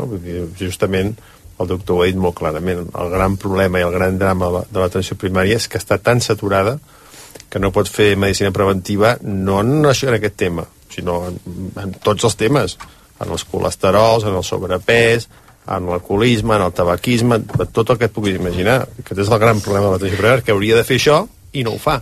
Amb la qual cosa es crea un salt entre la gent que es pot pagar mútues i la gent que pot anar a la medicina privada i els que no poden anar-hi, brutal. No? I abans em feies així, com a, em feies el, els, el, amb gestos, no? com el tabac, No, no? a veure, però, però ell deia que també sí, és diferent la força que tenen A aquí mi- els, a mi els lobbies de les tabacaleres amb el, amb el lobby de l'alcohol. A mi m'ha estranyat el que ha dit que, li que, que el doctor que deia que semblava com si hi hagués eh, més tolerància a l'alcohol que al tabac. Home, no ho crec. Jo Home, al crec- tabac s'han posat imatges de mm, el tabac mata o d'un pulmó mm, gairebé mig mort o imatges molt dures que, que això no s'ha fet amb l'alcohol, no? L'empresa de Catalunya és un país que l'empresa del vi el cava té molt poder, eh, per exemple, Sí, i el cada vegada que que s'ha intentat lligar s- mala salut o a, amb el vi el cava han entrat en armes, eh? Bueno, però... Una Vull dir que té força, almenys al nostre país, sí, eh? Vull dir que a Catalunya parlo, eh? Però també és veritat que, així com amb el tabac, està, és una evidència científica que qualsevol consum és dolent, el mateix doctor ha dit que hi ha uns nivells o uns umbrals de, de consum alcohòlic que No, que es considera de evidentment- risc, que no evidentment vol són dir molt que- baixos aquests umbrals, són molt baixos, d'acord, però, però de- si tu no superes aquests umbrals No, ha dit que a partir d'aquí es considera de risc. No vol dir que una unitat d'alcohol sigui bona. No, exacte, no ha dit que no, no, sigui jo bona. no he dit que sigui bona, eh? jo he dit que, així com amb el tabac, des del primer... De, de, consumeixis el que consumeixis, eh, és dolent, amb el- amb el- amb l'alcohol al principi no és que sigui bo, però si tu no superes aquests umbrals, al principi tampoc t'ha de fer mal. Amb l'alcohol Això és el que ha dit també el és doctor, dolent. No? no? ha dit exactament Jo això, que Oriol. Ens, ens, ens faltaria Ho hem entès, ho hem entès, no, no passa res. consens. alguna cosa. No, no, no, no. no, no jo no tinc cap problema a reconèixer que jo eh, sóc de les persones que, que en els àpats o, en determinats àpats bec vi, perquè clar, al final això ho fa molta part de la població que evidentment potser no és el més idoni, que potser eh, s'ha de restringir encara més, potser sí, però que és una cosa que està en la societat, en la societat i que molta part de la població té integrada, això no Clar, però que estigui jo crec integrada no jo- vol jo dir que sigui no bona, podem, eh, Jo crec que no podem... Sí, però jo crec que no podem criminalitzar tot el consum, encara que sigui molt moderat, de begudes alcohòliques de, del, del tipus el vi, el, el cava o la cervesa, comparar-lo amb, el, amb les begudes destil·lades que són molt més agressives i tenen una gradació alcohòlica molt més gran, jo crec que no podem posar-ho tot en el mateix sac ni podem criminalitzar Però tot crec el que no consum. estem criminalitzant, eh? Estem Dir que no és alertant inocu- d'un dir que no és risc. inocu Sí. no vol dir criminalitzar, però no, no hi ha un consum No, ho d'alcohol no, inocu ho i això sí que és veritat que fa uns anys es deia, però ara... Sí, sí, fa anys es deia que una copa del vi no passava negra res, era o que era era bona. Era- era bona. Això és un, això, és un mite que caigut. Això Això és cert. i no Això- existeix un consum inocu de- d'alcohol i jo crec que és una, Això és cert, una i que, pot ser una, por- i que pot ser una porta d'entrada a, a, arribar a nivells negatius, claríssimament. Clar. Que s'ha de fer prevenció i conscienciació, claríssimament. Però que també és veritat que és una cosa molt integrada en la cultura fins i tot gastronòmica del país i que, per tant, erradicar-ho o pretendre erradicar-ho del tot és una cosa bastant implantejable des del meu punt de vista. Però jo també crec és que, així. el, que ell no... És a dir, quan parlem d'aquest tipus de, de... Quan parlem d'addiccions, és evidentment que és un problema, però quan parlem de consums el que és bo és que alertem i que la gent conegui les conseqüències que té el que consumeix. I perquè evidentment ningú està dient que ara no puguem celebrar amb cava. Simplement de saber eh, quins efectes té, que no tothom afecta de la mateixa manera, que no totes les edats té els mateixos efectes i que per Si tant, medicament o no. exacte, i que per tant com més informació Claríssim, tinguem sí, sí. sobre el que consumim, d'una manera més responsable podrem consumir alcohol i qualsevol cosa. A mi del que ell ha dit hi ha dues coses que crec que més enllà no, del tema de l'alcohol també són interessants, que és, aquest, que, que és el que ara estàvem discutint a la taula i n'era un bon exemple, i és que tenim una altíssima tolerància social a l'alcohol a les nostres societats, perquè en som productors des de fa milers d'anys, perquè en som consumidors, no? i perquè forma part, com tu molt bé deies, de la nostra cultura. El, celebrem amb cava, cuinem amb vi, amb, no? i posem, eh, rata, fem pa amb vi sucre per la canalla, i... Però és que el metge ho deia també, Clar, no? Que a no? vegades que una persona en un grup o en un sopar algú no Exacte. begui és com, com passa? és que no veus, Exacte, no? no? Però vols dir, jo cada cop veig Sí, més que gent que no veu, eh? Però Sí. continua passant. Continua passant, Continua no? passant Sí. que rep comentaris de Ah, dir, sí? però per què no veus? O fins i tot he sentit a dir de... Exacte, això és el que anava a dir de... Ui, persona que no veu és No que amaga alguna cosa, no? Ah, sí? Sí. De fet, per, per això dic, no, que aquesta tolerància tan social i aquesta, no, nes- bueno, que forma part de la nostra cultura i, per tant, evidentment, quan, hem de, re- quan parlem de que pot generar addiccions o que és perjudicial, doncs aquí xoca no només amb la pròpia indústria, sinó amb la nostra pròpia cultura eh, gastronòmica i social. L'altre és aquest concepte de gent gran, no? que al principi aquí a la Sí, taula adoptàvem de que dir, no però què vol dir gent gran, no? Que, No hem definit. que, no- bueno, que hem, hem Sí, entès no, que eren els majors és de veritat 65. que ella, ella ha explicat que el fet que les enquestes precisament o els estudis que hi ha oficials només recullin el consum d'alcohol dels 15 als 64 64. anys també posa en evidència que més enllà dels 65 no entren com dins els estudis i no se'ls té en compte per considerar si tenen risc o no d'addicció. Aquest, aquest era l'element no? que a mi també em cridava l'atenció no? I, que, i que crec que això canviarà uh, aviat, perquè vivim un envelliment de les nostres societats, perquè hi ha molta més gent gran que en anteriors eh, no, cohorts de població i per cada vegada hi ha més població d'aquests majors de 65 anys que té vides, evidentment, ple, no, plenament actives, socials, actives, no? i per tant um, no només hi haurà més atenció, sinó que allò que ell ha dit, de dir, va, per l'edat que té, ja no val la pena o ja no cal, no? que podria tenir, que, que segurament era un comentari quan en segons quines edats o en segons quins moments, avui no té cap sentit quan una persona de 65 anys està no, plenament capaç i té molts anys per endavant i molta activitat per endavant. Per tant, és evident que ha de cuidar no, la seva salut i, i pot haver riscos d'addicció. I la cosa que més m'ha sorprès, que em sembla que tu també li has preguntat, és això de que el 50% no, de les addiccions pot venir per una predisposició genètica. I ell venia a dir, clar, és que si t'agrada, és més fàcil que una cosa t'enganxis. És que l'alcoholisme té un component genètic Sí, tremendo, però que, que a mi em molt sorprèn dir, eh? clar, Sí, sí, això és així. també és veritat que hi ha, no? I per tant, hi, hi he caigut, no sé, de, de, no Sí, sí, hi jo havia no pensat m''imaginava que fos tan alt, eh? Tampoc. Clar, no? Jo- jo potser hi ha gent que no li pensat, agrada. però tan alt no ho hagués Clar, mai, tampoc. hi ha gent que l'alcohol efectivament no veu perquè no li agrada, i això també deus, eh, imagino que és una predisposició genètica, escolta, a mi a consumir aquest producte no m'agrada i per tant no, no me'l prenc, que hi ha altres li deu passar amb el tabac o amb la xocolata o amb vés a saber què, i en canvi hi ha gent que allò li agrada i per tant el sacrifici de no prendre-ho també és més gran. A mi m'ha, aquest, aquesta xifra No, també però no és només que t'agradi o no t'agradi, eh? És que la Bueno. predisposició és a que, a que sí. t'agradi, que, que, que, Sí, sí, que, no pugui, que no puguis prescindir-ne. No, no és que t'agradi. Digues, Sílvia, no, per no, que a mi, m'agradaria fer- fer un donar apunt d'això de, encara- de la detecció d'un de cada cinc, que és molt baix. Um, jo, jo, jo crec que aquí el que pot estar passant també, que també crec que el doctor feia referència als pocs recursos que destinen o que tenen, vaja, amb l'atenció, és que jo crec que bona, amb la gent gran és probable que puguin detectar alguna cosa eh, de les persones que diuen no i és sí, a través dels regulars eh, anàlisis que els hi fan, perquè les parts Sí, perquè he dit tres, amb tres preguntes... Sí, però si tu dius no, no, no, Sí, sí, sí. A, a la gent gran té un punt a favor, que és, com que els hi fan uh, un seguiment mm, i, i anàlisis molt regular, que és veritat que això sí que funciona amb la gent gran, allà puguin trobar alguna cosa. Una altra cosa és que el pacient vulgui acceptar-ho o posar-se en mans d'algú o reconèixer o etc. Però aquí volia dir-vos, lligo amb els, amb els adolescents, que és l'altre grup que està començant molt jove. 12,9 anys, ha dit, eh? Ok. A la revisió dels 14 anys ja els hi comencen a fer preguntes eh, concretes relacionades amb les drogues, amb les relacions sexuals, amb l'abús d'alcohol. Els hi fan preguntes. Els pares, en principi, no hem d'estar davant o no han d'estar davant. I els nens, amb 14 anys, poden dir no.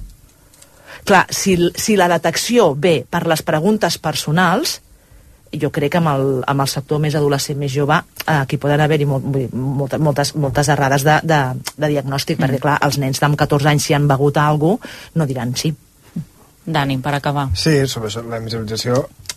Clar, al final el consum aquest que ens explicava, el consum aquest sol, um, és un consum molt invisible, que només arribarà al cap si el, la persona té ganes d'explicar-ho o si genera un problema uh, que es pugui identificar directament amb això. Un pot ser una anàlisi, no tot el consum d'alcohol es pot detectar amb una anàlisi de sang per no, però entendre... comencen a fallar coses, eh? Sí, però... però quan, no, quan hi ha addicció, eh, cuidado. Sí, però que no sempre, no sempre perquè de vegades hi ha altres consums que el que poden portar és això, Però alteren, caigudes, no? O poden portar caigudes, o poden portar que són més problemàtiques i que quan es fa aquest... Eh, que potser amb altres franges d'edat, com que és un consum més social, que veu més gent, hi ha més alarmes Clar, i que aquest- caigui una persona de 75 anys és o de normal. 80 anys... I potser no, no es vincula això, no es vincula això si aquesta persona no ho vol explicar així, que probablement no ho vol explicar així. I és més difícil posar alarmes aquí perquè és un consum molt més invisible que el consum d'altres franges d'edat, que és un consum molt més social i que hi ha altres alarmes col·locades al voltant que poden saltar.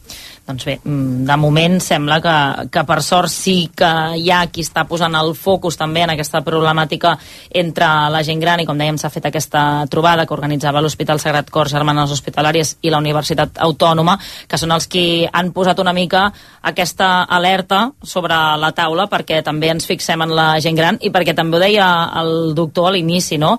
No només és en el consum d'alcohol, sinó en moltes altres problemàtiques que la gent gran doncs, eh, sembla que es deixa de banda tant els estudis com moltes vegades la detecció de- d'altres problemes. En fi, eh, no m'heu deixat anar a la publicitat encara, així que farem una última pausa abans d'arribar ja a les 10 de la nit. No ho sé, amb Anna Ballonesta.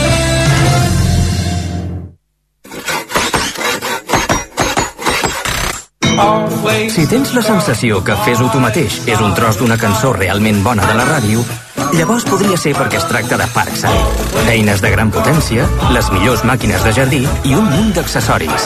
Descobreix tota la gamma de productes de Parkside a parkside-diy.com. Tu pots. Parkside.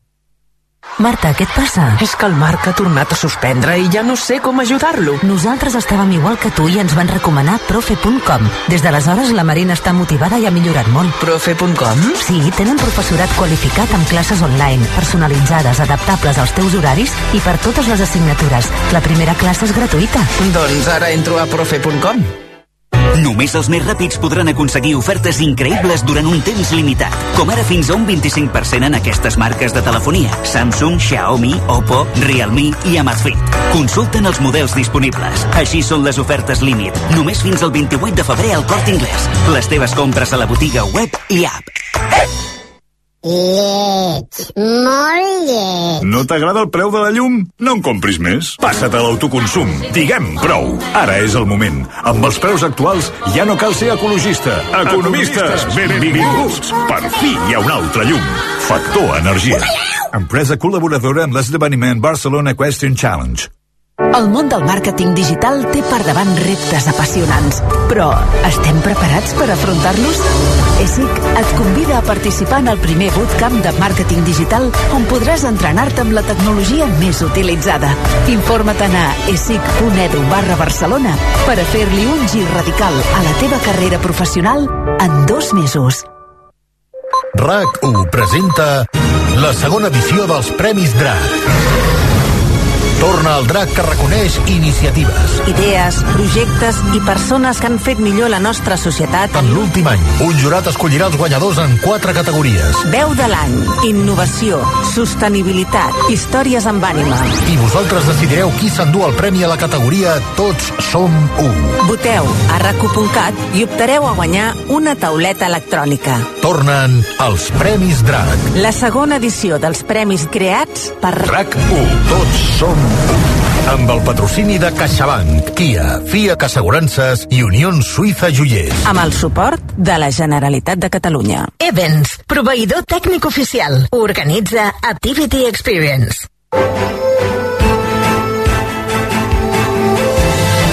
A RAC1 no ho sé, amb Anna Ballonesa.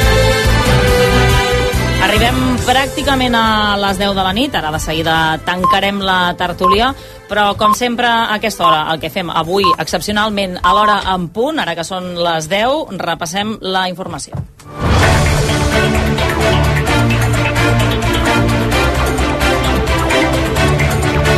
Tormos, bona nit. Bona nit. Què és el més destacat a aquesta hora? Doncs que fa uns minuts que ha acabat la manifestació al centre de Barcelona a favor de la pau a Ucraïna, coincidint amb el primer aniversari de l'inici de la guerra. S'hi han concentrat 8.500 persones convocades per la comunitat ucraïnesa. Des de Plaça Catalunya, Anna Salvador, bona nit. Bona nit. La manifestació ha començat a Passeig de Gràcia i ràpidament ha reunit milers de persones que han baixat fins a Plaça Catalunya amb crits de Ucraïna és Europa i gràcies Barcelona. En arribar a Plaça Catalunya, activistes ucraïnesos i catalans han llegit un manifest signat per 60 entitats catalanes. Exigim la retirada immediata de tropes russes d'Ucraïna, el compliment dels drets humans i de la legalitat internacional. Agraïm profundament a la gent d'aquesta gran ciutat, Barcelona, i de tot el món, tota l'ajuda que ens heu donat i ens continueu donant. També ha parlat el cònsul ucraïnès a Barcelona que ha assegurat que els russos pagaran pels crims que han comès.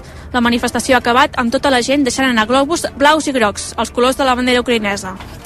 I d'altra banda, la família de l'adolescent que va morir a Sallent atribueix el suïcidi a l'assetjament escolar. En una entrevista al mitjà argentí La Nación, l'avi de les bessones que van saltar des d'un tercer pis explica que companys de classe els feien la vida impossible pel seu accent argentí i que les van començar a marginar a l'escola. El bullying que empezaron a sufrir era porque tenían acento argentino. No sé qué tendrá de, de delictivo tener acento argentino, acento portugués, acento chino, acento de, de italiano. Yo no sabía que era un delito. De fet, els Mossos d'Esquadra apunten a l'assetjament escolar i problemes d'integració com algunes de les possibles causes de la mort de la menor de Sallent. Avui la policia ha fet arribar el seu primer escrit al jutjat de Manresa. I ho dèiem ara en tertúlia, l'atenció primària, que només detecta un de cada cinc casos d'addicció a l'alcohol. Els metges alerten que aquest infradiagnòstic provoca problemes sobretot a llarg termini, però ara com ara els CAPs estan saturats i l'activitat preventiva no es pot fer correctament. Només s'actua quan els problemes són flagrants. El cert és que els europeus veuen el doble que la resta de la població situació mundial. En una entrevista al 9C, el doctor Antoni Gual, investigador de la unitat de conductes addictives de l'Hospital Clínic, feia aquest avís. L'infradiagnòstic dels problemes d'alcohol, de qualsevol manera, és una constant, és a dir, a l'atenció primària pràcticament només se'n detecten un de cada cinc a, a totes les edats. I amb la gent gran, a més, s'hi afegeix aquell, aquell mite de dir, bueno, com que ja és gran, deixa'l fer.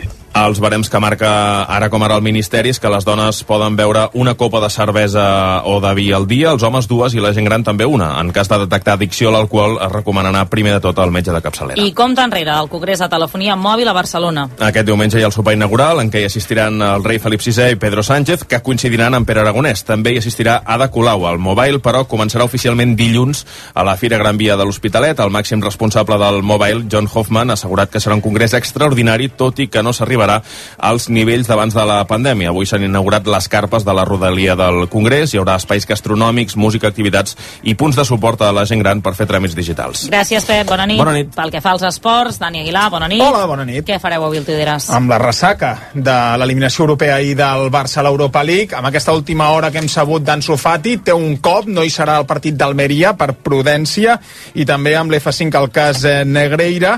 Avui parlarem amb l'exvicepresident esportiu del Barça, Jordi Mestre, qui va ser vicepresident esportiu durant els anys 2014-2019, per tant, evidentment, en el marc d'aquesta investigació. També actualitzarem el partit de bàsquet que tenim en marxa ara mateix al Palau Blaugrana.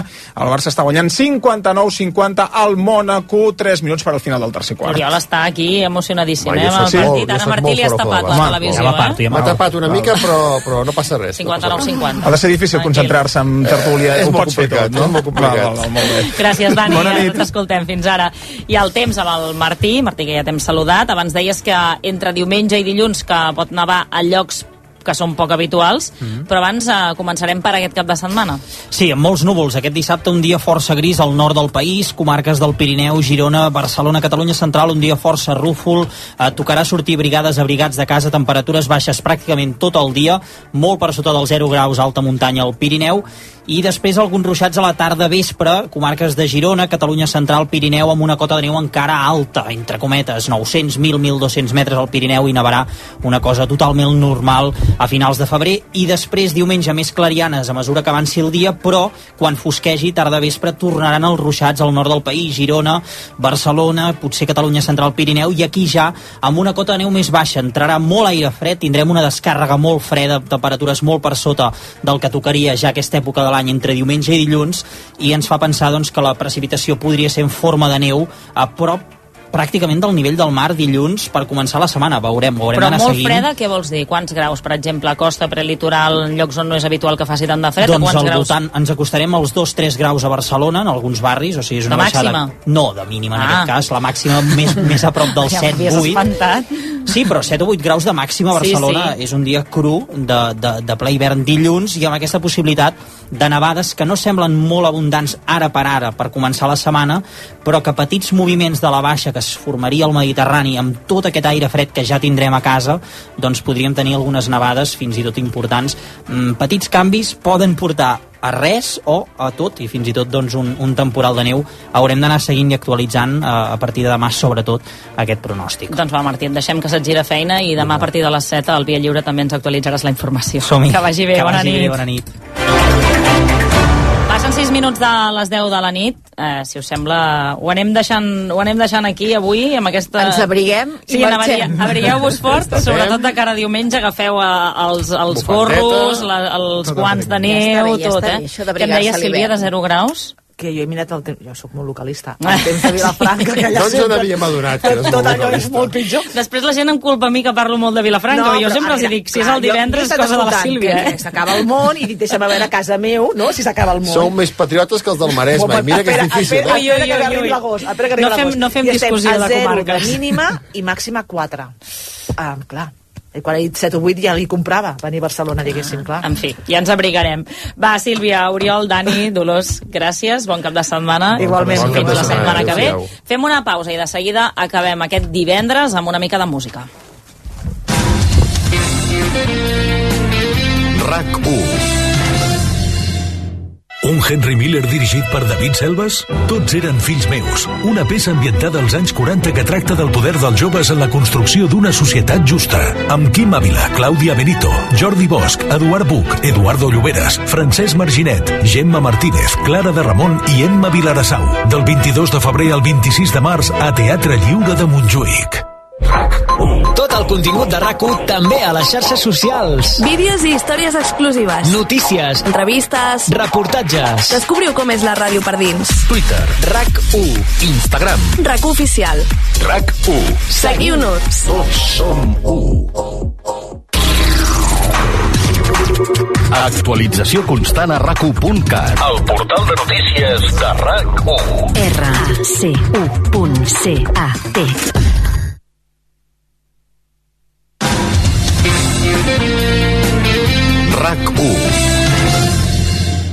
El futur no és projectar pel·lícules sobre la superfície de la Lluna mentre seus al sofà de casa. El futur és que no et puguin tallar la llum.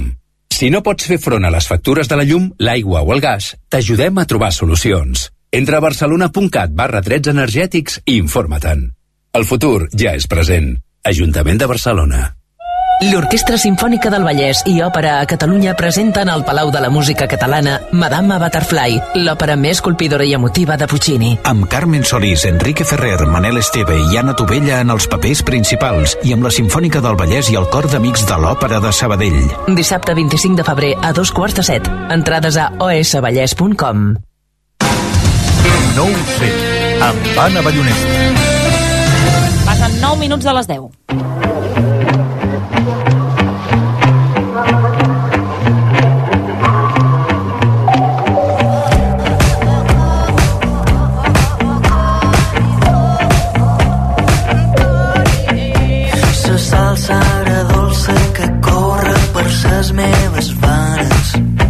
Quan sona aquesta música vol dir que és divendres. Jordi Garrigós, com estàs? Molt bé, molt Bona bona nit. Ara ho dèiem, eh? Feia dies que no ens veiem. Sí, Divendres fet- s'ha fet- passat no teníem programa. Ha sigut una llarga Ha espera. estat llarg, eh, sí, això? Sí, sí. Però per compensar-ho avui et porto... Avui què em portes, va? Mira, avui et porto cançons tan guais Sí? que et costarà... Home, sempre, sempre em portes No, no, però avui, avui eh? especialment. Avui estàs orgullós. Sí, sí. Avui porto un hits enormes. Vull dir, avui costarà molt eh, xerrar i no escoltar... Però de què va la cosa? A veure, Mira, quin és el fil conductor Vale, el fil conductor hits? és que febrer, que ha sigut un mes que jo he estat bastant absent en aquesta secció per futbol, no? Vam entrevistar Sí. el Jaume Masoni, Pla, sí. exacte. Però han passat coses com que s'ha mort el... Perdó, el... puc fer un parèntesi? Sí. Que vas anar al concert de, de Batquial, també. Vaig anar al concert de Batquial. I no n'hem parlat. Com va anar? Bé, va estar bé. Ah, pensar estaries més, més entusiasmat. M'estic fent gran. No tan bé. La meva conclusió del concert de Batquial Sí. és m'estic fent... No, no, va estar bé, va estar bé. Nota? Ella... Un set i mig. T'anava a dir, un set i mig. Per la cara t'he vist un set i mig, eh? Sí, sí, sí. Set i mig. Vull dir que no vaig sortir molt entusiasmat, perquè l'he vist... És el tercer concert que li veia i, i bé, l'evolució... Jo crec que encara no està al seu zènit, com si diguéssim que encara... Mhm. Ens Per tant, encara hi ha marge, eh? Encara hi ha marge per posar-li un 9, un Sí, 10. sí, sí. Jo crec que, que, que el tindrà. El tindrà. Va, tornem al tema d'avui, que t'he tallat. Doncs perdó. això, el dia 8 va, va morir el, el, el Burbàcarac, que és la típica d'haver fet una secció aquella setmana, però no, no, no vam tenir-ne. I després va venir el liu aquest de la Janet, Sí. els Goya, no? que, que no li van deixar cantar. I, i tot això és, és, coincideix amb que és parlar de compositors, que són la, la gent que està a l'ombra, perquè la Janet es va enfadar molt, però aquella cançó no la va compondre ella. I, i d'aquí va venir una mica... Del por què te vas, eh? Estem parlant? Exacte, del por què te vas, perdó. Eh, avui parlarem d'ells, de- d'aquestes persones que estan a l'ombra. Gent que fa la feina, Sí. perquè després no la llueix, no? Sí, però, però al final les canten nosaltres i tots plegats es forren, vull dir, cantants, compositors, tothom que pugui trigar a trincar alguna cosa de drets d'autor eh, eh, forma part d'aquesta roda eh, i avui parlem de compositors, Va. comencem.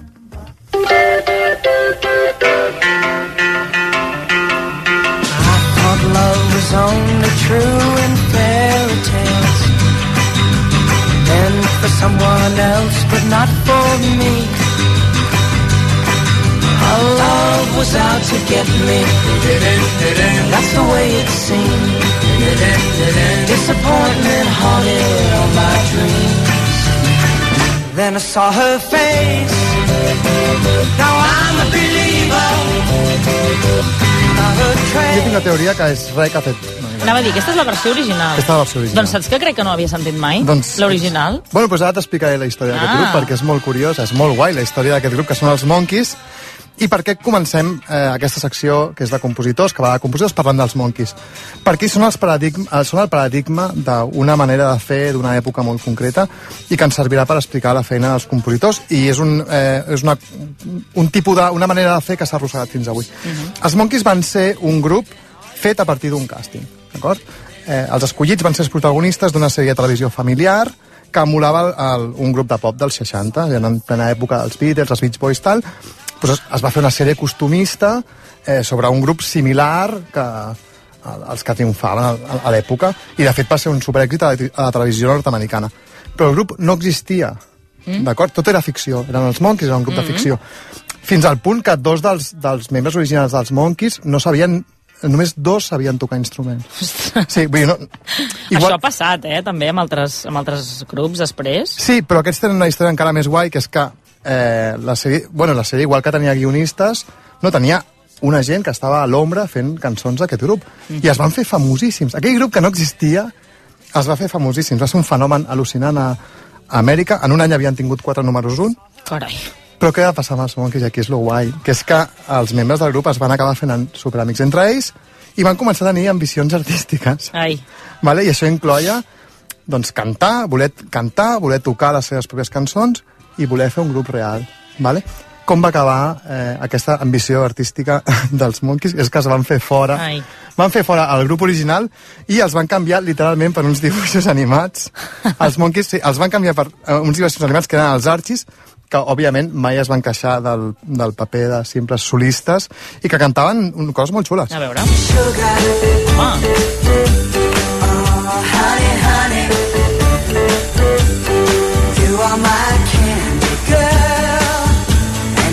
Me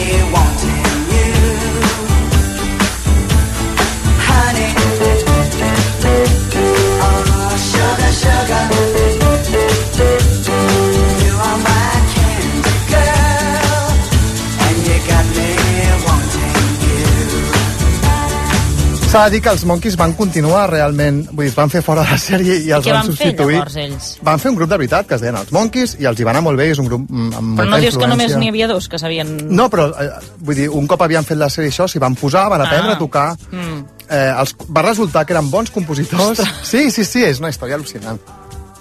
Però per entendre, per entendre millor com funciona la figura del compositor en si, centrem-nos en, en el Burbàcarac, és aquest, aquest Sí. home que va morir a principis de mes i que és considerat un, un dels grans escriptors de cançons de tots els temps. Hem de pensar que el, que el Bacharach va ser un, un tipus superpopular entre els anys 60 i 70, molt a, a Nord-Amèrica, avui és normal que aquí no sigui un tio superconegut, eh, i veníem d'una tradició en, en la que es coneixia molt l'autor, realment el compositor era, era, no era tan important com el solista, però sí que era una persona que, que es coneixia. Això no vol dir que el Bacharach no tingués ambició, que estigués a l'ombra fent cançons, perquè ell ho va intentar Sí. en solitari, el que passa és que no va tenir eh, molt d'èxit, i llavors era una cosa de prestigi fer cançons, era una, era una figura que, que amb, amb, amb cert reconeixement. Eh, el tema de l'ambició és, és important, perquè els compositors es forren, però clar, no tenen la fama de...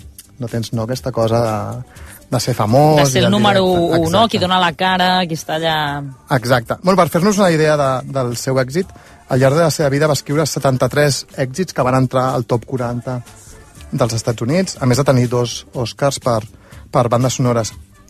Una mica com, com passarà amb tots els, els compositors que anirem parlant a, en aquesta secció, eh, va crear una marca. I si et sembla, anem a sentir una mica com és aquesta marca amb veu d'Aretha Franklin. Vinga. Say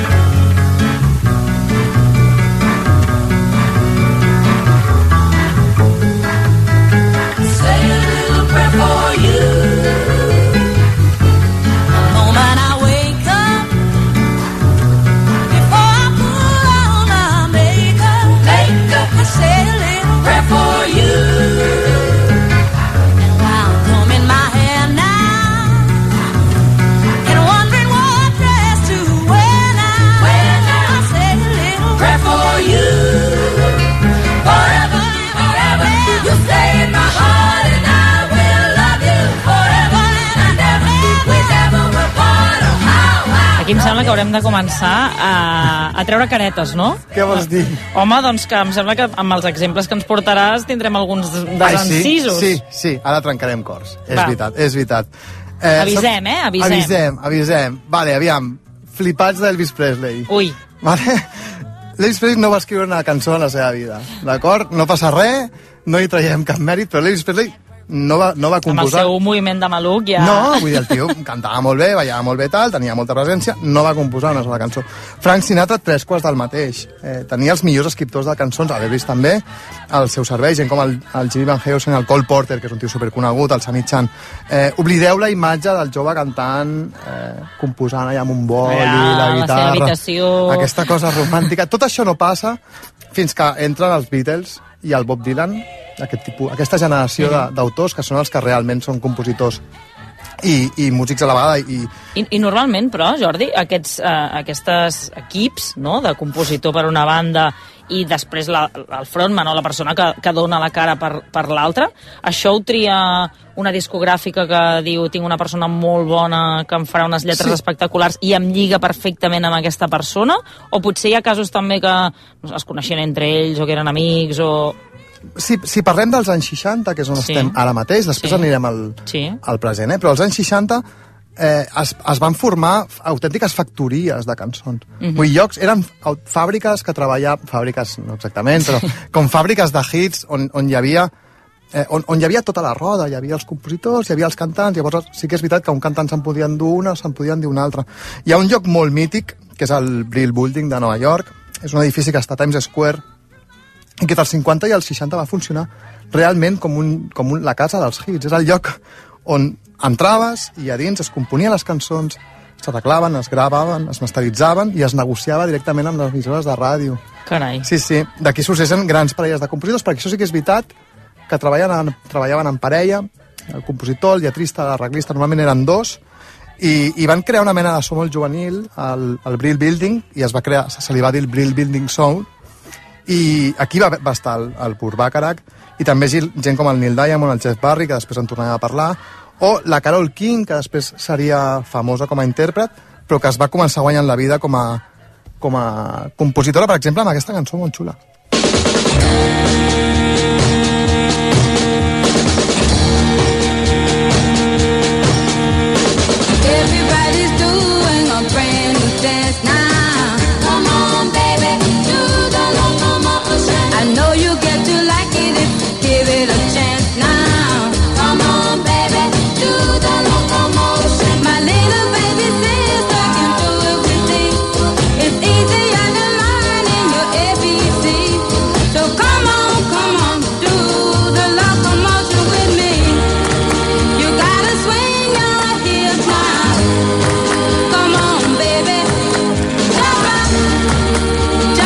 Passem d'un edifici de Nova York a un altre de Detroit, on també als 60 es crearia l'altra gran factoria de hits. Evidentment parlo de la Motown, artistes com les Supremes, el Marvin Gaye o el Mhm. Jackson 5.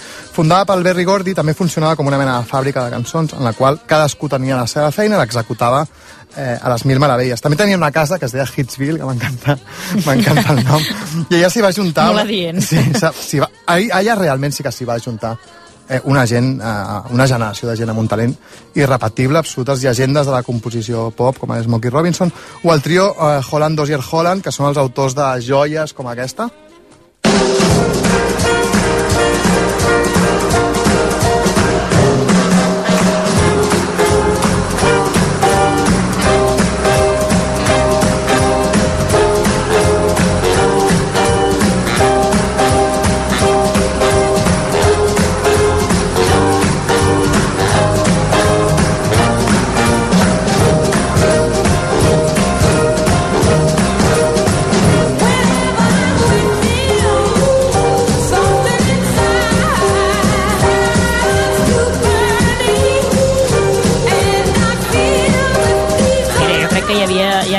Que potser ja estava allà al sofà de dir avui em quedo a casa i que potser els hem fet una mica Que consti moure's que o bellugar-se. He avisat que avui veníem amb material sensible. Això era... Ai, que encara s'estaran repensant de dir, va, anem a prendre alguna cosa avui. Exacte, això era Heatwave, que després versionia els Who, la cantava la Marta Reeves amb les banderes I això eh, em tronca una mica amb el que, el que comentàvem abans, que van ser les Mar, la Marta de Banderes, però podien haver sigut les Suprems, Ja. o les Marrets, o algú que passés per... I això es decidia al final aquí. El que, el que importava era la marca Motown, Mm -hmm. i, el que passa, i això era el que passava per davant de tot. Després, és clar, hi ha una colla de cantants extraordinaris.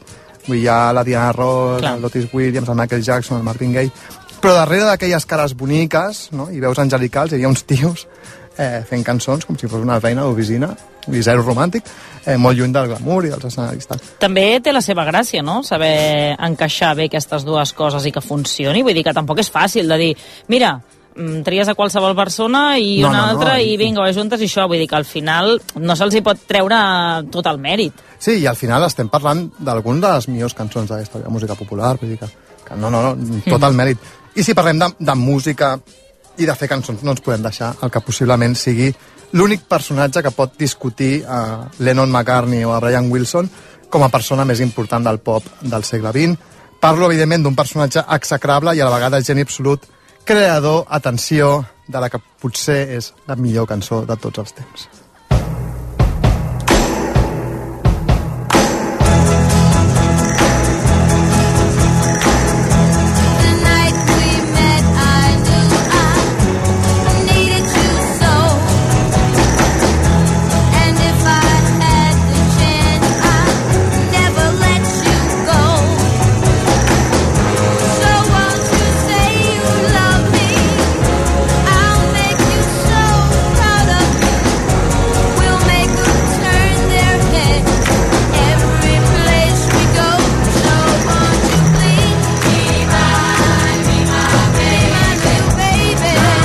Supergreu tallar això, Sí. però és que si no no arribarem a, a avui dia parlo evidentment del Phil Spector un del, ah, bueno, el gran Has dit, una, has dit la millor cançó, possiblement, de tots els temps? Sí, ho, de, ho defensaré. Tens debilitat, eh, davant. per aquesta cançó? Sí, Be My Baby. Marca una mica el cànon del pop dels 60 i, i, el, i és, és una no, no, influència per a, a mi m'agrada absolutament molt, tothom. el que passa és que triar la millor... Bueno, i el, sí. Tu que, no, tu que en saps molt... No, eh, jo no en sé, sigui- cadascú que triï la que, la que vulgui. Eh, bueno, el Phil Spector, que evidentment és un, un productor increïble i també va crear eh, diverses cançons amb el Jeff Barry, que abans en parlàvem, que era un habitant del, del Brill Building, i Nelly Greenwich. Escriuen el Be My Baby, que ja és com una culminació increïble, però és que a més escriuen el Durra Run Run, de les Crystals, el Do I Love You... Eh, és un geni, també és una persona absolutament cancel·lable i cancel·lada, va morir a la presó acusat d'haver assassinat la seva dona i de 200 milions de coses horribles més, no direm eh, coses gaire bones d'ell, queda la seva obra i que Mm. cadascú pensi el que vulgui. Avancem una mica amb el temps i passem dels 60 als 70 i estem a un lloc una mica més a prop de Barcelona.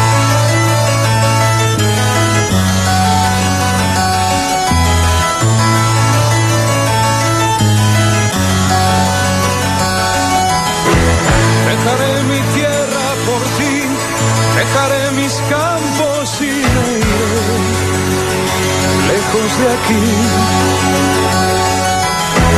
Cruzaré llorando el jardín y con tus recuerdos partiré lejos de aquí.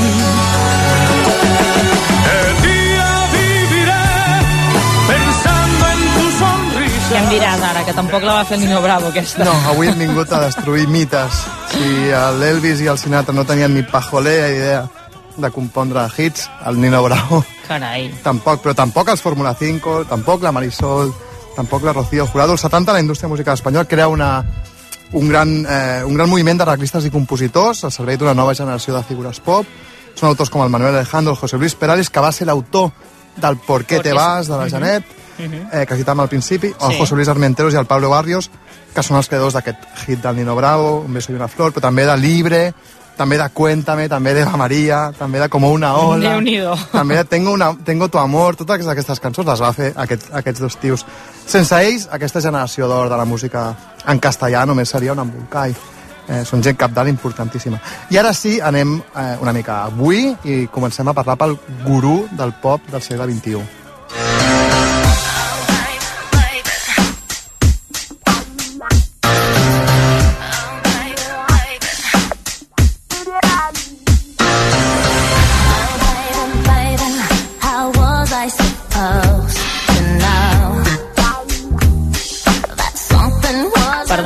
Jordi, que has estat molt optimista dient que parlem d'avui, quan aquesta cançó té... No, no, eh? no, ja ho sé, ja ho sé. No, ja no, sé. que m'ha fet gràcia que hagis vist com a actualitat aquesta cançó, que No. jo potser escoltava quan tenia 9 anys. Perquè ara ho enganxaré amb una altra cosa d'avui. Ah, va, vale? Vale? Ara, mira, primer, ara fa un any va haver-hi aquesta polèmica entre el Damon Albarn de Blur sí. i la Taylor Swift, perquè el Damon Albarn sembla que la va acusar com així una mica des, eh, despectivament, no?, de que no composava les seves cançons. I els seus fans, els fans de Taylor Swift, són els pitjors fans del món, són molt intensos, es van en- enfadar moltíssim, van anar en còlera, però una mica de raó tenia el Damon Albarn, no passa res, no cal enfadar-se, no li treu valor, però la llista de compositors i arreglistes que tenen totes aquestes estrelles pop és llarguíssima. I el rei de tot això és... Qui és, qui és? Max Martin. Max Martin és el gran És gurú. qui hi ha darrere de tot això, eh? Sí, ara, bueno, després et diré la llista. D'aquí. eh. Sí. És l'exemple perfecte del que deien personatge a l'ombra. Max Martin, ningú sap qui és. És el segon compositor, després de Lennon McCartney, amb més cançons al número 1 a la Ostres. llista d'èxits dels Estats Units.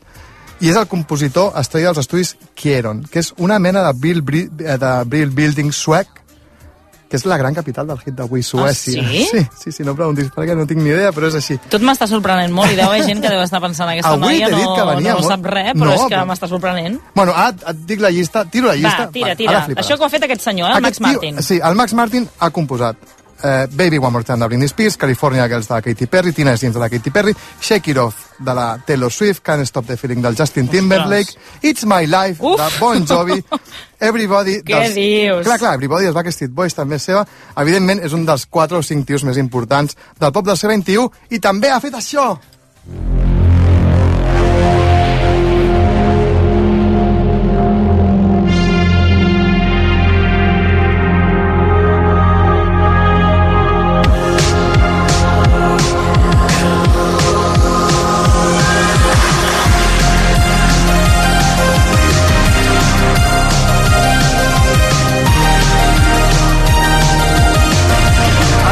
una també, opció. eh? Vols que et trenqui el cor per l'últim cop o ens quedem amb aquesta? No, trenca'm el cor per últim cop. Ja Sí? fes-ho tot de cop avui i no deixem res per un altre dia. Vale, doncs aquesta tampoc és només del Harry Styles. Come on, Harry, we want to say goodnight to you.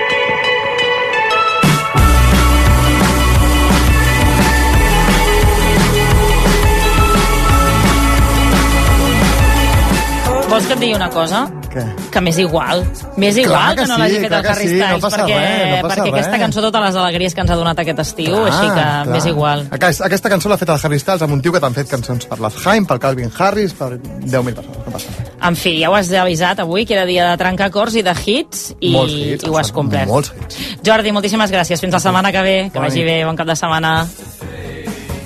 I abans de donar pas al Tu diràs, Pep, de què parlarà demà el Bundó? Doncs del cas de les bessones de Sallent parlaran sobre el possible assetjament escolar que patien amb la secretària de Transformació Educativa i més tard entrevistarà Albert Serra, el director de Pacifiction, que aquesta nit ha jugat nou premis a la gala del Cèsar.